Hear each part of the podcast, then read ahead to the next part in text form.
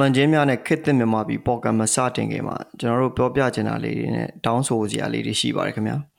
ကျွန်တော်တို့ရဲ့တော်လန်ချင်းများနဲ့ခစ်သစ်မြန်မာပြည်ပေါ်ကကຫນွေဦးတော်လန်ရေးရဲ့တကယ်ဖြစ်ပျက်နေတဲ့တရုတ်မှန်တွေကိုပြောပြတင်ဆက်ပေးဖို့ကျွန်တော်တို့ရည်ရွယ်ထားပါတယ်ပြီးတော့ကျွန်တော်တို့ရဲ့ဒီတော်လန်ရေးမှာပါဝင်နေတဲ့သူတွေရဲ့ကျွန်တော်လှုပ်ဆောင်ချက်တွေပြီးတော့ဒီပြည်သူလူထုပြည်သူလူထုနဲ့ပတ်သက်ပြီးတော့ဒါသူတို့သတင်းမှန်တွေရောက်ဖို့လိုတယ်တကယ်မြေပြင်အခြေအနေကိုနားလည်ပြီးတော့ ကိုလှုပ်တင်လှုပ်လိုက်တာကိုတကယ်နားလည်ဖို့တကယ်လှုပ်ဖို့အတွက်ကိုရည်ရွယ်ထားတာဖြစ်ပါတယ်ခင်ဗျာကျွန်တော်တို့ရဲ့ပြည်သူတွေနိုင်ငံရေးသမားတွေရဲ့အတူရောင်မျက်နှာဖုံးတွေအောက်မှာမိန်မောမနေပဲကိုရိုင်းဖောက်ထွက်ကြဖို့ရည်ရွယ်ပြီးတော့ကြိုးပမ်းထားတာဖြစ်ပါတယ်ခင်ဗျာဒီຫນွေဦးတော်လန်ရဲ့ဘုံရန်သူစစ်အာဏာရှင်ကိုကျွန်တော်တို့တိုက်ထုတ်ရင်းနဲ့အခွင့်အရေးသမားတွေအချောင်သမားတွေကိုပါတခါတည်းဒီဆွဲထုတ်သွားမှာဖြစ်ပါတယ်ခင်ဗျာမြန်မာနိုင်ငံရဲ့ຫນွေဦးတော်လှန်ရေးကအလုံးစုံငြိမ်းချမ်းရေး ဒါမှမဟုတ်အလုံးစုံပျက်စီးရေးကိုအိုးတီနေတဲ့အတွက်ကျွန်တော်တို့အားလုံးနိုင်ရတာဝန်ကိုထမ်းပြီးတော့ကျွန်တော်တို့ကိုတာဝန်ကိုခြေဖို့လိုပါတယ်ခင်ဗျဒါမှကျွန်တော်တို့ကကျွန်တော်တို့ရဲ့မြန်မာနိုင်ငံကိုအကောင်းဆုံးပြန်လည်တည်ဆောက်နိုင်မှာဖြစ်ပါတယ်ဒါဟာကျွန်တော်တို့တော်လန်ချင်းများနဲ့ခေတ်သစ်မြန်မာပြည်ကအတိပေးခြင်းတဲ့အကြောင်းအရာဖြစ်ပါတယ်ခင်ဗျကျွန်တော်တောင်းဆိုချင်တာကတော့ကျွန်တော်တို့ရဲ့ pocket ကိုနားထောင်ရတာသဘောကျတယ်ဆိုရင်မျှဝေပေးပါဝိုင်းဝန်းပံ့ပိုးကူညီပေးပါဝေဖန်အကြံပြုစာတွေလည်းကျွန်တော်တို့ပေးပို့ပေးပါခင်ဗျာဒါမှကျွန်တော်တို့ရဲ့ ဒီ pocket ရေးသွေးနဲ့ကျွန်တော်တို့လောက်ရကင်ရတာပို့ပြီးတော့အဆင်ပြေလာမှာဖြစ်ပါတယ်ခင်ဗျာအားလုံးကိုကျေးဇူးတင်ပါတယ်ခင်ဗျာမင်္ဂလာပါဆရာဗျာတပည့်တော်တို့ဒီဒေါ်လာချင်းများနဲ့ခေတ်မြန်မာပြည် pocket ကိုအခုလိုမျိုးအချိန်ပေးပြီးတော့ဖြေချပေးရတဲ့အတွက်တပည့်တော်တို့ဒါဦးရဲ့ကျေးဇူးတင်ရှိပါတယ်ဗျာဟုတ်ကဲ့တပည့်တော်အနေနဲ့အရှင်မြတ်ကိုမေးချင်တာဒါပထမအဆုံးပေါ့နော်ပထမဆုံးမေးချင်တာကတော့ပြီးတော့ဒီစစ်အာဏာသိမ်းမှုအစောပိုင်းကာလနေမှာပေါ့နော်ရှင်ဘုရားအနေနဲ့ ဒီနိုင်ငံရေးအခြေအနေနဲ့မြန်မာနိုင်ငံရဲ့အခြေအနေပေါ်မှာဘယ်လိုမျိုးထင်မြင်ယူဆပါသလဲဖေ။ဒီနေဦးတော်လှန်ရေးပေါ့နော်ဒီအခုဒီအာဏာစတိန်နဲ့အချိန်ကိုပြောရမှာပေါ့နော်အခုပြောရမယ်ဟေ့ဆိုရင်ဒါတော့အင်မတန်မှဟိုဆိုးရတဲ့အခြေအနေပါပဲအခြေအနေဆိုတာအလုံးမသိကြတဲ့အတိုင်းပဲဒါဘာဘာဖြစ်လို့လဲဟေ့ဆိုတော့1962ခုနှစ်အာနာသိမ့်မှုကနေပြီးတော့ အခုဒါ2021မြောက်နိုင်အာနာသိမ့်နဲ့အထီကိုပြန်ကြည့်မယ်ဟေ့ဆိုရင်တော့အာနာတော့ဒါစပြီးတော့1962ခုနှစ်တိတ်နေကဒါမလုတ်တဲ့ကိစ္စကိုလုတ်တာဖြစ်တဲ့အတွက်ကြောင့်အင်မတန်ဆိုးရတဲ့အခြေအနေပေါ့အဲ့ရနေပြီးတော့ဒါကတော့သိတဲ့အတိုင်းပဲပို့ပို့ဆိုးရလာတယ်အဲ1990ပြည်မှာလည်းပဲဟိုပြည်သူရွေးချယ်တဲ့ NLD ပါတီကိုအာဏာမအပ်ပဲနဲ့နော် အကုန်လုံး NLD အမတ်တရားစာဖမ်းဆီးထောင်ချနှိပ်စက်တက်ဖြတ်နော်လိုပဲလောက်ကြတာပါတင်ပါဗျာဒီကနေပြီးတော့ဒါ2010နော်ဒီမှာအားလုံးပဲသိကြတဲ့အတိုင်းပဲသူတို့ဘာတွေနာကေခြေဦးတွေသူတို့ရေးဆွဲထားပြီးတော့အတိမတ်ပြုပြီးတော့သူတို့လုပ်ခဲ့ကြတာပဲဒါ2015ကျမှဒါအားလုံးမြင်တဲ့အတိုင်းပဲ NLD ကဝင်လုံးကျွနိုင်တဲ့9နှစ်မှာကာလမှာအများကြီးတိုင်းပြည်အတွက်ကို ပြုပြင်ပြောင်းလဲမှုတွေလုပ်သွားနိုင်ခဲ့တယ်။အဲရှင်းရှင်းပြောရရင်တော့စစ်အာဏာရှင်တွေကဒါသူတို့နောက်မှနေခဲ့တဲ့ဗိုလ်ကြီးတွေကိုယ်တိုင်ကဦးစင်းတို့ကိုပြောပြတာတွေရှိပါတယ်ဒါ။သူတို့က long time plan ဘယ်တော့မှပြည်သူလက်ကိုအာဏာပြန်မအပ်ဘူး။အမြဲတမ်းအမြဲထာဝရသူတို့ပဲဒါအုပ်ချုပ်မယ်နော်။ဒီလိုမျိုးသူတို့ကတွားခဲ့ကြတာဒီရွေးကောက်ပွဲတွေလုပ်တဲ့ဟေ့ဆိုတာလည်းပဲ1990ပြည့်ဟေ့ဆိုတာလည်းပဲ သူတို့နိုင်မယ်ထင်ပြီးတော့လုပ်ပေးတယ်မနိုင်လို့သူတို့အာဏာသိမ်းတာပါပဲတင်ပါဗျာ2010မှာလည်းပဲဒါသူတို့လူဖြစ်တဲ့ကျန်းဖို့တွေနော်ဘောင်းမီရနေချုပ်ပြီးတော့လူဝေးဖြစ်သွားတဲ့လူတွေသူတို့နိုင်တော့ဗမာစစ်တပ်ကအာဏာသိမ်းလို့လေဘယ်သိမ်းမလဲသူတို့လူတွေကိုဒါ2015မှာရက NLD ကနိုင်သွားတယ်နော် NLD အစိုးရဖြစ်လာတယ်ဒါသူတို့လုံးဝမကျေနပ်ဘူးဒါဒီအမျိုးစုံနှောက်ယှက်တာလည်းအားလုံးပဲသိကြတဲ့အတိုင်းပဲဘာသာရေးတွေနဲ့နှောက်ယှက်တယ်တွေးခွဲမှုတွေလုပ်တယ် မြို့ဘာသာတာရဏစောင့်ရှောက်ရေးအသင်းတွေလုပ်တယ်နော်ဘာသာရေးထီကရုံးတွေဖန်တီးတယ်လုံးဝအုပ်ချုပ်ရေးရန်တရားတွေအုပ်ချုပ်လို့မရအောင်ဒီမျိုးစုံနဲ့နှောက်ယှက်တယ်တိုးတော့လည်းငါနှစ်ကိုကောင်းကောင်း run ပြသွားနိုင်တာအားလုံးပဲအတိပဲဒါကြောင့်မလို့ဒီ2020နော်ဒါရွေးကောက်ပွဲမှာအားလုံးမြင်ကြတဲ့အတိုင်းပဲသူတို့ကသူတို့ညှော်မှန်းထားတဲ့ဒီမြို့ဘာသာတာရဏစောင့်ရှောက်ရေးဆိုတဲ့ဒါဖုန်ကြီးတွေရဲ့သူတို့ကိုယ်တိုင်ကဒါကြံ့ဖို့ပါတီတွေရဲ့သူတို့နဲ့အားလုံးပဲ ပူးပေါင်းပြီးတော့လှုပ်ထားတဲ့အခြားပါတီတွေမြင်ကြတဲ့အတိုင်းပဲနော်သူတို့ကဒါတွေနဲ့ဟေ့ဆိုရင်တော့မဲကွဲပြီးတော့သူတို့ယူထားတဲ့ဒါ automatic သူတို့ယူထားတဲ့စစ်တပ်က25ရာခိုင်နှုန်းနော်အကုန်လုံးဒါတွေနဲ့သူတို့ကသူတို့ပဲဆက်ပြီးတော့အုပ်ချုပ်လို့ရမယ်သူတို့ပဲဒါမဲတွေနိုင်မယ်ဒီလိုမျိုးသူတို့ထင်ထားပြီးသူတို့လုပ်တာပါပဲတကယ်ဒါကြမ်းဖို့ကနေပြီးတော့သူတို့အာဏာရနေမယ်ဟေ့ဆိုရင်သူတို့အာဏာသိမ်းမှုကိုလုံးဝမလုပ်ပါဘူး နော်မှန်ပါဗျာဒါပြည်သူရွေးချယ်တဲ့ NLD ဆိုရကနိုင်သွားတဲ့အတွက်ကြောင့်ဒါဒါသူတို့လုံးဝလက်မခံနိုင်မင်းနဲ့အာဏာသိမ်းတာပါမဲတွေကတော့တက်တက်အကြောင်းပြတာပါပဲဒါကဘာကိုထင်ရှားတယ်လေဆိုတော့သူတို့အာဏာသိမ်းတဲ့နေမှာပဲဘာမှမစီမဆိုင်နဲ့နော်မြဝတီမင်းကြီးဆရာတော်တို့ရှင်ညဝဆရာတော်တို့မူတော်ပိဒအလင်္ကာကျဲတို့မန်းတောင်ကြီးဥဒေဇနီယတို့ဒါတွေကိုသူတို့ကြောင်းတိုက်တွေဝင်ဖမ်းနေဆိုတော့အဖေအထင်ရှားတာပဲ ဒီမဲကိစ္စနဲ့ပါဆိုင်လို့တယ်ဘာမှမဆိုင်မှမဆိုင်တာပြီးတော့စာရေးဆရာတွေမှန်ပါဗျာတက်ကြွလှုပ်ရှားသူတွေနိုင်ငံရေးသမားတွေနော်ဒါတွေကိုမစီမဆိုင်အာဏာသိမ်းတဲ့နေ့မှာပဲဖမ်းဆီးပစ်တဲ့ဟေ့ဆိုတာဘလို့နီးနဲ့မှတက်ဆိုင်တာမဟုတ်ဘူးပြောချင်တာကြီးတော့ပြည်သူရေးချယ်တဲ့အစိုးရလက်ကိုသူတို့အာဏာမအပ်ချင်လို့ကိုသူတို့အာဏာသိမ်းတာပဲဖြစ်တယ်ပေါ့နော်ဒါကိုတော့ဦးဇင်းတို့ကတော့အထင်ရှားမြင်ပါတယ်မှန်ပါဗျာကျေးဇူးတင်ပါတယ်ဗျာတကယ်လဲသူတို့ဘက်ကဟိုဖုံပြောသလိုပဲဒါ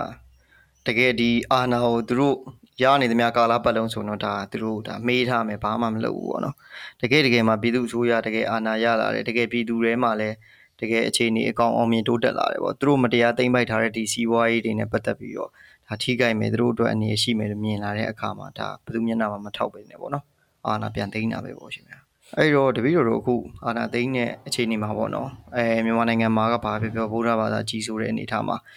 အဲဒီရဟန်းတန်ဃာတွေမှာလည်းနှမျိုးကွဲဆိုပြည်သူတွေမှာလည်းနှမျိုးကွဲတယ်ပေါ့နော်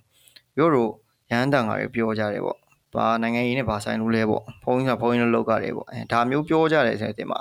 အဲ့တော့အချို့ရဟန်းတန်ဃာတွေကလည်းဒါမျိုးရှိတယ်ပေါ့လူတွေမှာလည်းမဟုတ်ပဲねအဲ့တော့မြတ်စွာဘုရားချမှတ်ခဲ့တဲ့ဝီနီးတော်တွေထဲမှာအခုလိုမျိုးနိုင်ငံရေးနဲ့ပတ်သက်ပြီးတော့ဒီမှာရဟန်းတန်ဃာတွေဝင်ပြီးပါဝင်ပတ်သက်ရအောင်ဆိုတော့လုံးဝကန့်သက်ချက်တွေရှိလားဗျာဟုတ်ဒီနေရာမှာ ရှင်းအောင်ပြောရမယ်ဆိုရင်နော်နိုင်ငံရေးလို့လူတွေကပြောနေကြတာပေါ့တကယ်တမ်းတော့နိုင်ငံရဲ့အရေးပါပဲနော်ကိုယ်နိုင်ငံရဲ့အရေးပဲနိုင်ငံရဲ့အရေးဟေ့ဆိုတာအဲ့ဒီနိုင်ငံကြီးတရားဥပဒေစိုးမိုးတဲ့နိုင်ငံဖြစ်ဖို့ငြိမ်းချမ်းဖို့တာယာဖို့ဖွံ့ဖြိုးဖို့နော်အကောင်းတွေရဲ့ဟေ့ဆိုတာဒီနေမြေပေါ်မှာဒီမြေပေါ်မှာမွေးဖွားလာတဲ့ရန်ရှင်လူကြောင်းသားပြည်သူအားလုံးနဲ့တက်ဆိုင်တယ်အားလုံးရဲ့အရေးပဲနော် အကုန်လုံးနဲ့တက်ဆိုင်တဲ့အရေးပဲကိုယ်နိုင်ငံကြီးကောင်းသားဖို့အရေးဟာကိုယ်အရေးပဲနော်ဒါဟာနိုင်ငံရေးပဲနိုင်ငံရဲ့အရေးပဲအဲ့တော့ပြောချင်တာအရာပါလေဆိုတော့ဦးဇင်းတို့ဗုဒ္ဓမြတ်စွာဘုရားပွင့်လာတာကိုဦးဇင်းတို့ပြန်ကြည့်ဗုဒ္ဓတစရိယာနော်ညာတတစရိယာလောကတစရိယာဒါအဖြစ်ရထင်ရှားနေတာပဲနော်မှန်ပါအဲ့တော့ဦးဇင်းတို့ဗုဒ္ဓကိုတော်တိုင်နော်ဒါမလုပ်လေ နော်သိချင်းပဲနော်တစ္ဆာလေးပါးကိုသိတယ်တရားဓမ္မတွေသိတယ်သိလို့ကိုဗုဒ္ဓဖြစ်လာတာပဲအဲ့တော့သိအောင်မလုပ်ရတာလေစ조사ရတာပဲစ조사ဖို့အတွက်ဦးဇင်းတို့လောကီတွေလည်းသိဖို့လိုတယ်လောကုတ္တရာလည်းသိဖို့လိုတယ်ဒါကြောင့်လည်းပဲမင်္ဂလာတရားတွေထဲမှာဗုဒ္ဓကဘာဝတိစင်နာတိပင်္စဝီနိယောစနော်ထည့်ထားတာမင်္ဂလာတရားတွေထဲမှာသိအောင်လုပ်ရမယ်နိုင်ငံကိုနိုင်ငံရဲ့အရေးတွေသိအောင်လုပ်ရမယ်နော်အများကြီးသင်ယူရမယ်လေ့လာရမယ်စာရီဖတ်ရမယ်ဒါဒါဒါဒါဗုဒ္ဓကအထင်ရှားပြောထားတာပဲသိလာမှကိုက ကိုတိတိအလျောက်မလုပ်လို့ရမလဲညာတတစရိယာနော်ကိုအမျိုးအမျိုးဟေးဆိုတာလည်းပဲကိုနိုင်ငံသူနိုင်ငံသားမှန်တယ်များဟာကိုရဲ့ဒါ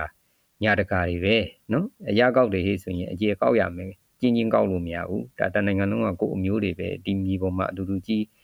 နော်ဒီမြေပေါ်မှာအတူတူစားဒီမြေပေါ်မှာအတူတူမွေးဖွားလာကြတာဒါဒီနိုင်ငံသားတွေအားလုံးကကိုယ့်ရဲ့ရှင်မျိုးတွေပဲသူတို့ရဲ့တိုးတက်ရေးဖွံ့ဖြိုးရေးငြိမ်းချမ်းရေး တရားဥပဒေစိုးမိုးရေးဓမ္မလမ်းကြောင်းအမှန်ကိုရောက်ရေးဒါတွေမဖြစ်မနေကျင့်ဝင်ကျင့်ရမယ်ရှေ့ဆောင်လမ်းပြမိမိကဖြစ်နေရမယ်နော်ပြီးတော့ဒီတဲ့ကျေပြန့်တာရေးဆိုရင်ဗုဒ္ဓကလောကတ္တစရိယာပေါ့ဗျာလောကတ္တစရိယာရေးဆိုတာတော့ဒါအကုန်လုံးဦးဇင်းတို့တစ်ကဘာလုံးပေါ့ဗျာစัจ java ရှိနေတဲ့နိုင်ငံသီးသီးအကုန်လုံးနော်ရေမနေတရဝကုန်းမနေကောင်းကင်မနေတရဝအကုန်လုံးတစ်ပင်တွေအစတော့တောင်ရေမြေတွေစိန်လန်းဆိုပြေးတွေအစအကုန်လုံးပါတယ်လောကတ္တစရိယာပဲဒီလောကကြီးမပြည့်စည်အောင် ဆောင်ထိန်ရမှာဟာယဟန်တွေရဲ့တာဝန်ပဲဗုဒ္ဓကငါဒီလမ်းစဉ်ကိုလျှောက်ခဲ့တယ်ယဟန်တွေလည်းဒီလမ်းစဉ်ကိုလျှောက်မှန်ပါဗျာဗုဒ္ဓလက်ထက်မှာဒါအထင်ရှားနော်အဲ့ဒီလက်ထက်တရားပါလေမင်းညစ်တရား10ပါးဘာလို့ဟောလဲအဲ့ဒီကာလတွေမှာကတိုင်းပြည်ကိုဒါတအုပ်ဆံမိုင်မင်းတွေအုပ်ချုပ်ကြတာဖြစ်တဲ့အတွက်ကြောင့်မင်းညင်တရား10ပါးနဲ့အညီအုပ်ချုပ်ခိုင်းတယ်နော်မင်းလုပ်ပြီးရေးဆိုရင်ဒီမင်းညင်တရား10ပါးတွေရှိရမယ်အဝိရောဒနာဟိဆိုတာတိုင်းသူပြည်သားတို့ဤဆန္ဒကိုမဆန့်ကျင်ရဘူးနော် ဒါအထင်ရှားထည့်ထားဘာဖြစ်လို့လဲမှန်ပါဗျာဒီတိုင်းလူပြည်သားတွေကိုဒီအချက်စေချက်နဲ့အုပ်ချုပ်တယ်ဟေ့ဆိုရင်တိုင်းလူပြည်သားတွေအေးချမ်းချမ်းရှိမှာပေါ့ငြိမ်းချမ်းမှာပေါ့နော်ဒီစေချက်ကနေလွတ်သွားပြီဟေ့ဆိုရင်အာနာရှင်ဆံမင်းနှိတ်ကိုမင်းတက်ဖြတ်မင်းမတရားနိုင်ကျင့်မင်းဒါတွေဖြစ်မှာဆိုတဲ့အတွက်ကြောင့်ဗုဒ္ဓဟာဒီမင်းညင်တရား7ပါးနဲ့အညီအုပ်ချုပ်နော်ပြီးတော့ဗုဒ္ဓဟာယဟန်တန်ဃာတော်တွေဟေ့ဆိုရင်ပြောခဲ့တာပဲနော်စရတဘိက္ခဝေစာရိကံဓမ္မံတိတိထဆိုတာ ကျောင်းကြီးမှာထိုင်ပြီးငုတ်တုတ်ထိုင်မနေနဲ့နော်ခုနပြောခဲ့တဲ့အရေးတွေပြည်သူလူထုကြားထဲမှာဓမ္မရဲ့အချစ်မြတ်နိုးမှုတွေဓမ္မတန်ဖိုးတွေသိရှိအောင်ခရီးတွေလှည့်လည်ကြတယောက်ချင်းကိုဟောပြောကြနော်တယောက်ရတယောက်ဟောနှစ်ယောက်ရနှစ်ယောက်ဟောဓမ္မတွေကိုသင်ကြားပေးဒီလိုမျိုးဗုဒ္ဓကချမှတ်ထားခဲ့တာအင်မတန်မှအရေးကြီးတယ်နော်အဲ့တော့ဒီနေရာမှာပြောချင်တာအရာကယဟန်တန်ဃာတော်တွေမှာနော်စာရိဒတ်တီလာဝါရိဒတ်တီလာဆိုတာရှိပါတယ်စာရိဒတ်တီလာအင်မတန်အရေးကြီးပါတယ် စာရိတ္တသီလဘာတွေလဲဆိုကျင့်ဝတ်တွေပဲသင်္ကန်းလောဝါဒတုံမှလာတဲ့ယဟန်ကျင့်ဝတ်တွေရှိတယ်မိဘကျင့်ဝတ်ရှိတယ်တာရမီကျင့်ဝတ်ရှိတယ်ဆရာကျင့်ဝတ်ရှိတယ်တပည့်ကျင့်ဝတ်ရှိတယ်အလုရှင်ကျင့်ဝတ်ရှိတယ်အလုဓမ္မကျင့်ဝတ်ရှိတယ်နော်မင်းကျင့်ဝတ်ရှိတယ်ခုနပြောတဲ့မင်းကျင့်တရား10ပါးစစ်တီတော်ဟေ့ဆိုရင်စစ်တီတော်ကျင့်ဝတ်တွေရှိတယ်ဒါတွေဟာဘာတွေလဲဟေ့ဆိုရင်အဲ့ဒါစာရိတ္တသီလတွေပဲယဟန်ကမကောင်းမြတ်တာကောင်းရညွန်လေအသေးဟောကျူနာဘူးထမှန်နှက်ထန်တင်ရမြတ်တာလည်းပြုရန်မှု6ခုလွန်သေးကြရေးဆိုတာ အဲ့ဒါစာရိတ္တတီလာပဲယဟန်မကောင်းတာတွေမဖြစ်အောင်နော်မကောင်းတာတွေတွေ့နေပြီဟေ့ဆိုရင်အဲ့ဒါထားမိရမယ်ပိတ်ပင်ရမယ်မှန်ပါဗျာကောင်းတဲ့ဓမ္မလမ်းကိုညွှန်ရမယ်နော်အမှားတွေပိတ်ပင်ပြီးတော့ဓမ္မတွေတိုးတက်အောင်တရားဥပဒေတွေစိုးမိုးအောင်ငြိမ်းချမ်းအောင်တာယာအောင်အဲ့ဒါယဟန်ကျင့်ဖို့ပဲစာရိတ္တတီလာပဲယဟန်မဖြစ်မနေလုပ်ကိုလုပ်ဆောင်ရမှာပဲနော်ဝါရိတ္တတီလာရေးဆိုတာရှောင်ကျင်တဲ့တီလာတွေနော်ယနေ့ဒါ120ခုနှစ်တေတော့တိတ်ခါဗုဒ္ဓရေးဆိုတာဒါဝါရိတ္တတီလာတွေပဲ အဲ့တော့ပြောချင်တာအရာကဗုဒ္ဓမြတ်စွာဘုရားကိုယ်နိုင်ငံရဲ့အရေးမပြောနဲ့နော်ခုနပြောတဲ့ universal နော်ဒီတကဘာလုံးနိုင်ငံအသီးသီးရဲ့အရေးအိဆန်လေးတွေရဲ့အရေးတစ်ပင်တွေရဲ့အရေးကဘာကြီးမပြည့်စည်ရဲ့အရေးတောင်လောက်ရမယ်လို့ဗုဒ္ဓကညွန်ပြထားတာဖြစ်ပါပါဗျာဒါကိုနိုင်ငံရေးကဘုန်းကြီးနဲ့မတက်ဆိုင်ဘူးဖြစ်ဆိုတာအဲ့ဒါလူပြင်းလူညက်နေရဲ့စကားပါနော်ဒါကဘာဘယ်ကနေထွက်လာလဲဆိုရင်စစ်အာဏာရှင်တွေအတုံးချထားတာပါ ဆရာနာရှင်တွေကဘုန်းကြီးတွေနိုင်ငံရေးတွေကိုပါလာမှာဆိုလို့ မှန်ပါဗျာ နိုင်ငံရေးကဘုန်းကြီးနဲ့မသက်ဆိုင်ဘူးဆိုပြီးသတင်းစာတွေကနေစိုက်ဝါအမျိုးမျိုးရေးတာပါသူတို့အသုံးချခြင်းတဲ့အခါကျတော့မဘာဒဟေဆိုပြီးအမျိုးဘာသာတာရဏစောင့်ရှောက်ရေးအသင်းကြီးကိုသူတို့ကိုယ်တိုင်ဦးစီးပြီးတော့ မှန်ပါဗျာ နော်သူတို့ထောင်ပေးခဲ့တာပဲဒါစေကိန်းနာတို့နဲ့လဝါချင်းရိုက်ပြီးတော့စေကိန်းနာเจ้าမှာတနိုင်ငံလုံးတန်ခါအစည်းအဝေးပဲခေါ်ပြီးတော့မျိုးဘာသာတာရဏစောင့်ရှောက်ရေးအသင်းစီးတင်နေဆိုအဲ့ရနေမြေပြခံပြီးတော့သူတို့ကိုယ်တိုင်နောက်ကိုရနေပြီးတော့ လိုအပ်တာမှန်သမျှ supporting ပေးထောက်ပံ့ပေးပြီးတော့ကြံ့ခိုင်ရေးစီယုံရေးတွေမှာနော်ဒီသူတို့ကိုယ်တိုင်အသုံးချသွားတယ်နော်အမျိုးစုံသူတို့အသုံးချခြင်းတဲ့အခါကျတော့ဘုန်းကြီးတွေကိုနိုင်ငံရေးနဲ့တက်ဆိုင်နေဆိုပြီးသူတို့ထည့်ပြီးအသုံးချတာပဲသူတို့ခုံကိုထိမှဆိုးတဲ့အခါကျတော့နိုင်ငံရေးကိုသူတို့နဲ့မတက်ဆိုင်ဘူးဆိုပြီးတော့ဒါတွေကဘုရုရဲ့လှည့်ကွက်တွေလဲဆိုရင်ဆရာနာရှင်ရဲ့လှည့်ကွက်တွေပါပဲအဲ့ဒီဟာမှာလက်ခံနေတဲ့ဘုန်းကြီးမှန်တယ်များဟာဆရာနာရှင်ရဲ့အသုံးချခံလက်ကင်တို့ဘုန်းကြီးတွေပဲဒါဖြစ်ပါတယ် တကယ်ကိုလမ်းကိုလျှောက်ကိုလမ်းကိုဖောက်ဗုဒ္ဓရဲ့လမ်းစဉ်တိုင်းသွားနေတဲ့သူမှန်သမျှခုနဦးစင်းရှိမှပြောခဲ့တဲ့အတိုင်းပဲနော်အကုန်လုံးဒီအရေးတွေကကိုယ်နဲ့တက်ဆိုင်နေတက်ဆိုင်လို့လည်းပဲဦးစင်းတို့နိုင်ငံတမိုင်းပြန်ကြည့်မယ်ဆိုရင်ဆရာတော်ဦးဥဒ္ဓမနော်ဒါအင်္ဂလိပ်ကိုတော်လှန်တော့နော်ဒါတိုင်းတစ်ပါးသားတွေကကိုယ်နိုင်ငံဂျွန်လာပြုတ်နေတဲ့အခါမှာမှန်ပါဗျာအေးမင်းတို့ဘယင်ငံကရဒတ်နော်ဒါနိမိမိဒီတိုင်းပြည်ကနေပြီးတော့ထွက်သွားနော်ကတော့ထွက်သွား ဒါအကုန်လုံးဒါသူတို့ကိုနှင်ထုတ်တာပဲဗျရဲရင်ရင်ဒါဆရာတော်ဦးဝိစိတ်ဦးဝိစာရာတို့ဟေ့ဆိုရင်လည်းပဲဒါအလုံးမင်းသိတဲ့အတိုင်းပဲတကယ်ထောင်ထဲမှာအစာငတ်ခံဆန္ဒပြပြီးတော့ဒါရက်ရှည်နော်ရက်အရှည်ဆုံးနဲ့ဒါဆန္ဒပြပြီးတော့ပြန်လုံတော်မူသွားတာတွေပဲနော်ပြောချင်တာအရာကရမန္တလေးဟေဆိုရင်လည်းပဲရန်ပြုတ်သမကနော်တန်ဃာတော်တွေအများပြားအင်္ဂလိပ်အစိုးရကိုတော်လှန်ရင်းနဲ့ပြန်လုံတော်မူသွားကြတာတွေတမိုင်းနေအထင်ရှားရှိတာပဲအကုန်လုံး ခေတ်ဆက်ဆက်မှာ1990ပြည့်နော်ဒါမန္တလေးမှာပတ္တနေကုဇနဆိုရင်ဒါတိပိဋကတရာဆရာတော်တွေပြည်ဝန်သားဆရာတော်ကြီးတွေဆရာနာရှင်ကိုတပိတ်မောက်ခဲ့ကြတာပဲ2000ခုဟေဆိုရင်လည်းရွှေရောင်မှာဆရာနာရှင်တွေကိုဒါတပိတ်မောက်ပြီးတော့တော်လှန်ခဲ့ကြတာပဲမှန်ပါဗျာဒါတမိုင်းအစဉ်ဆက်88ဆိုရင်လည်းဒါဘုန်းကြီးတွေအကုန်လုံးပြည်သူလူထုနဲ့အတူတသားတည်းပါဝင်ပြီးတော့တပိတ်မှောက်ကြတယ်တော်လှန်ကြတာပါပဲခေတ်ဆက်ဆက်ပြန်ကြည့်ရင်ဘုန်းကြီးတွေကနိုင်ငံရေးထဲမှာအစဉ်တစိုက်ပါနေကြတာဟာညင့်မြရတဲ့တမိုင်းထောက်ထားတွေပါပဲ တင်ပါဗျာကျေးဇူးတင်ပါတယ်ဗျာဒီလိုမျိုးအရှင်ဗျာဒါဒီဥပမာဥပမေယတွေနဲ့သိချာချာဒါရှင်းရှင်းလင်းလင်းပြောပြမှာလူတွေကဒါဘာပဲပြောသူတို့အရင်တော့လည်းတည်ရင်တည်ထားမယ်ဒါပို့ပြီးတော့နားလေလာမှာပေါ့ပြီးတော့လည်းဒီပေါ်မှာဟိုတချို့ဒကာဒကာမတွေကြတော့လဲရှင်ဘုရားရဲ့ဗုဒ္ဓဘာသာပေါ်မှာဒါတအားကြီးကိုလေးစားတာဆိုတာထက်ရှင်ဘုရားပြောသလိုစာပေလေးလာဖတ်ရှုတဲ့အားကနေတာရေပေါ့ နောက်တစ်ချက်ကဒီဘာသာတရားရဲ့အနှစ်သာရထက်ပုံကိုယ်ပေါ်မှာခင်းတာရေပေါ့ဒါရင်းနဲ့ပတ်သက်ပြီးတော့အများကြီးဟိုကွဲပြားခြားနာတာတွေသူတို့ဒီပေါ်မှာအတွေးခေါ်မှားယွင်းတာတွေလည်းရှိတာပေါ့အဲ့တော့ရှင်မြခုနမိန်သွားတယ်မှာပါတယ်လို့ပဲပေါ့တပည့်တော်ရဲ့ဒီမေးခွန်းอ่ะပေါ့နော်အခုဆိုရင်ဒါတိတကူဆရာတော်ဘုရားတို့ဆိုလို့ရှင်လေဟိုတရားတရားဟောတဲ့တဲမှာတွေရောဗာတွေရောပေါ့နော်ပါတာပေါ့ဒီ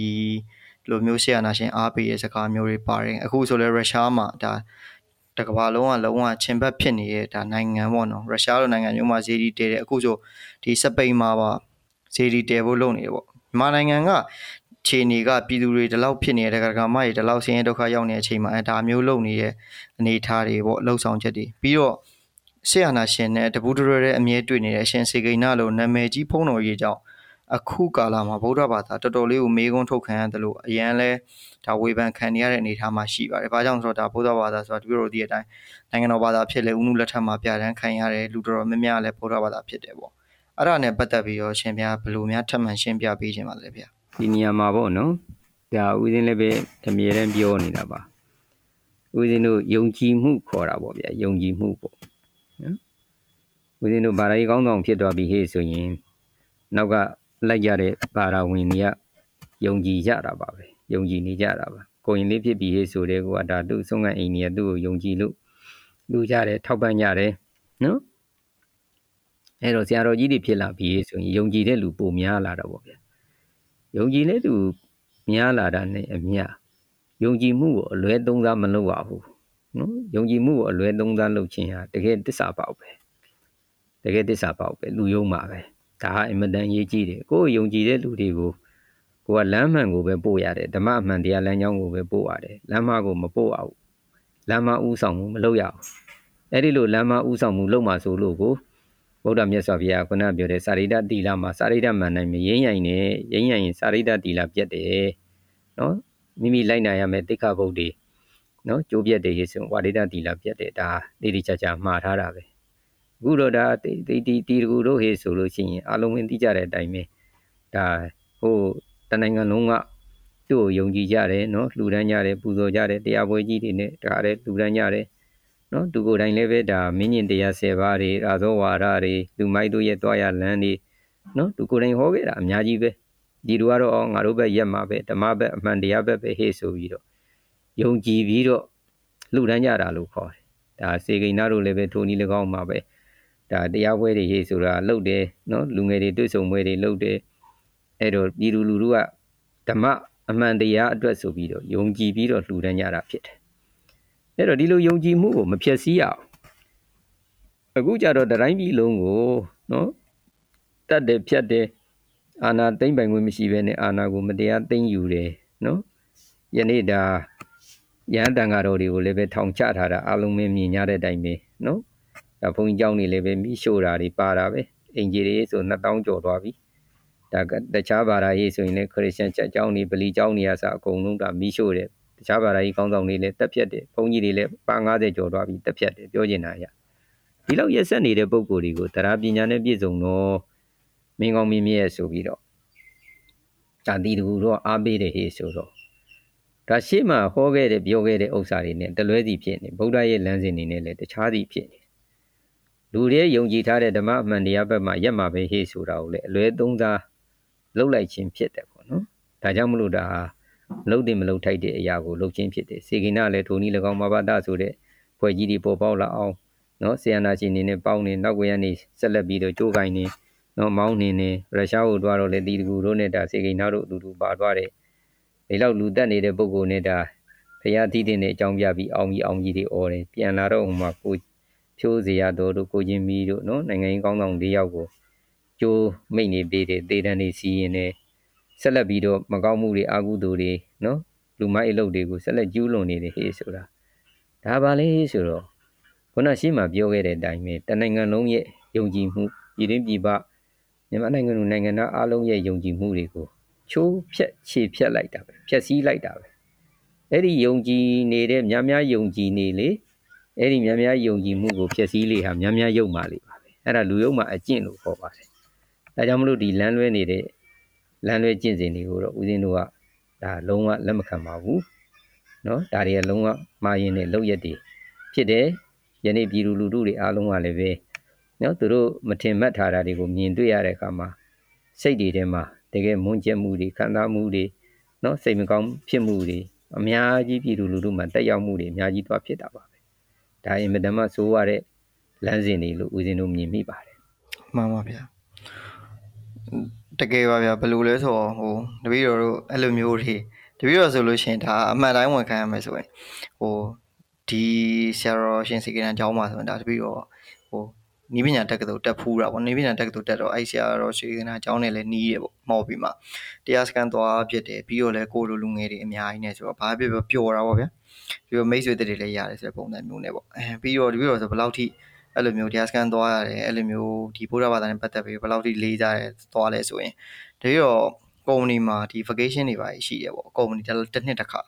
အဲ့လိုမျိုးတစ်ပတ်နှစ်ပတ်အဲ့လိုပိတ်ပြီးတော့ vacation လွှတ်တာပေါ့ဒီ company ပိုင်ရှင်ကအကုန်ကြခံပြီးတော့အဲ့ဒါကိုတပည့်ကို vacation လည်းမသွားသလိုအဲ့ရနဲ့ပတ်သက်တဲ့ဒီမဟုတ်ဘူးတွေပါလည်းမယူဘဲနဲ့တပည့်ကိုတရားစကန်သွားဝင်နေသူမျိုးဗျာ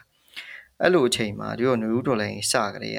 ကကုမ္ပဏီအလုပ်လည်းထွက်တယ်အကုန်လုံးဟွာဖြစ်ပြီးတော့ဒီဟာကိုနိုင်တဲ့ဘက်ကအကုန်ခြေစုံပြဝင်ခဲ့တာဆိုတော့အဲ့လိုမျိုးတွေတပည့်ကိုမြင်ရတွေ့ရတဲ့အခါမှာအမှန်တိုင်းပြောရင်ဟိုတော်တော်ပူလောင်ရပါတယ်ဗျာတော်တော်လေးစိတ်မကောင်းဖြစ်သလိုဒေါသလည်းတအားထွက်တယ်ပေါ့နော်အဲ့လိုမျိုးတွေဖြစ်ရတဲ့ဖြစ်တော့ရှင်များပြောသလိုပဲတော်တော်ဝေးရတာဟိုကိုယ်ရတယ်ပေါ့ပြီးမှတပြည့်တော့လဲမှန်တိုင်းပြောရင်စာဖတ်နေတဲ့သူတွေမှာမပါပါဘူးဗျာအဲ့တော့ကိုယ့်ဘက်ကိုပဲပြန်ဆုံးမှာပါတယ်။အော်ဒါဘာသာနဲ့မဆိုင်ဘူးဒါလူနဲ့ဆိုင်တာပေါ့နော်။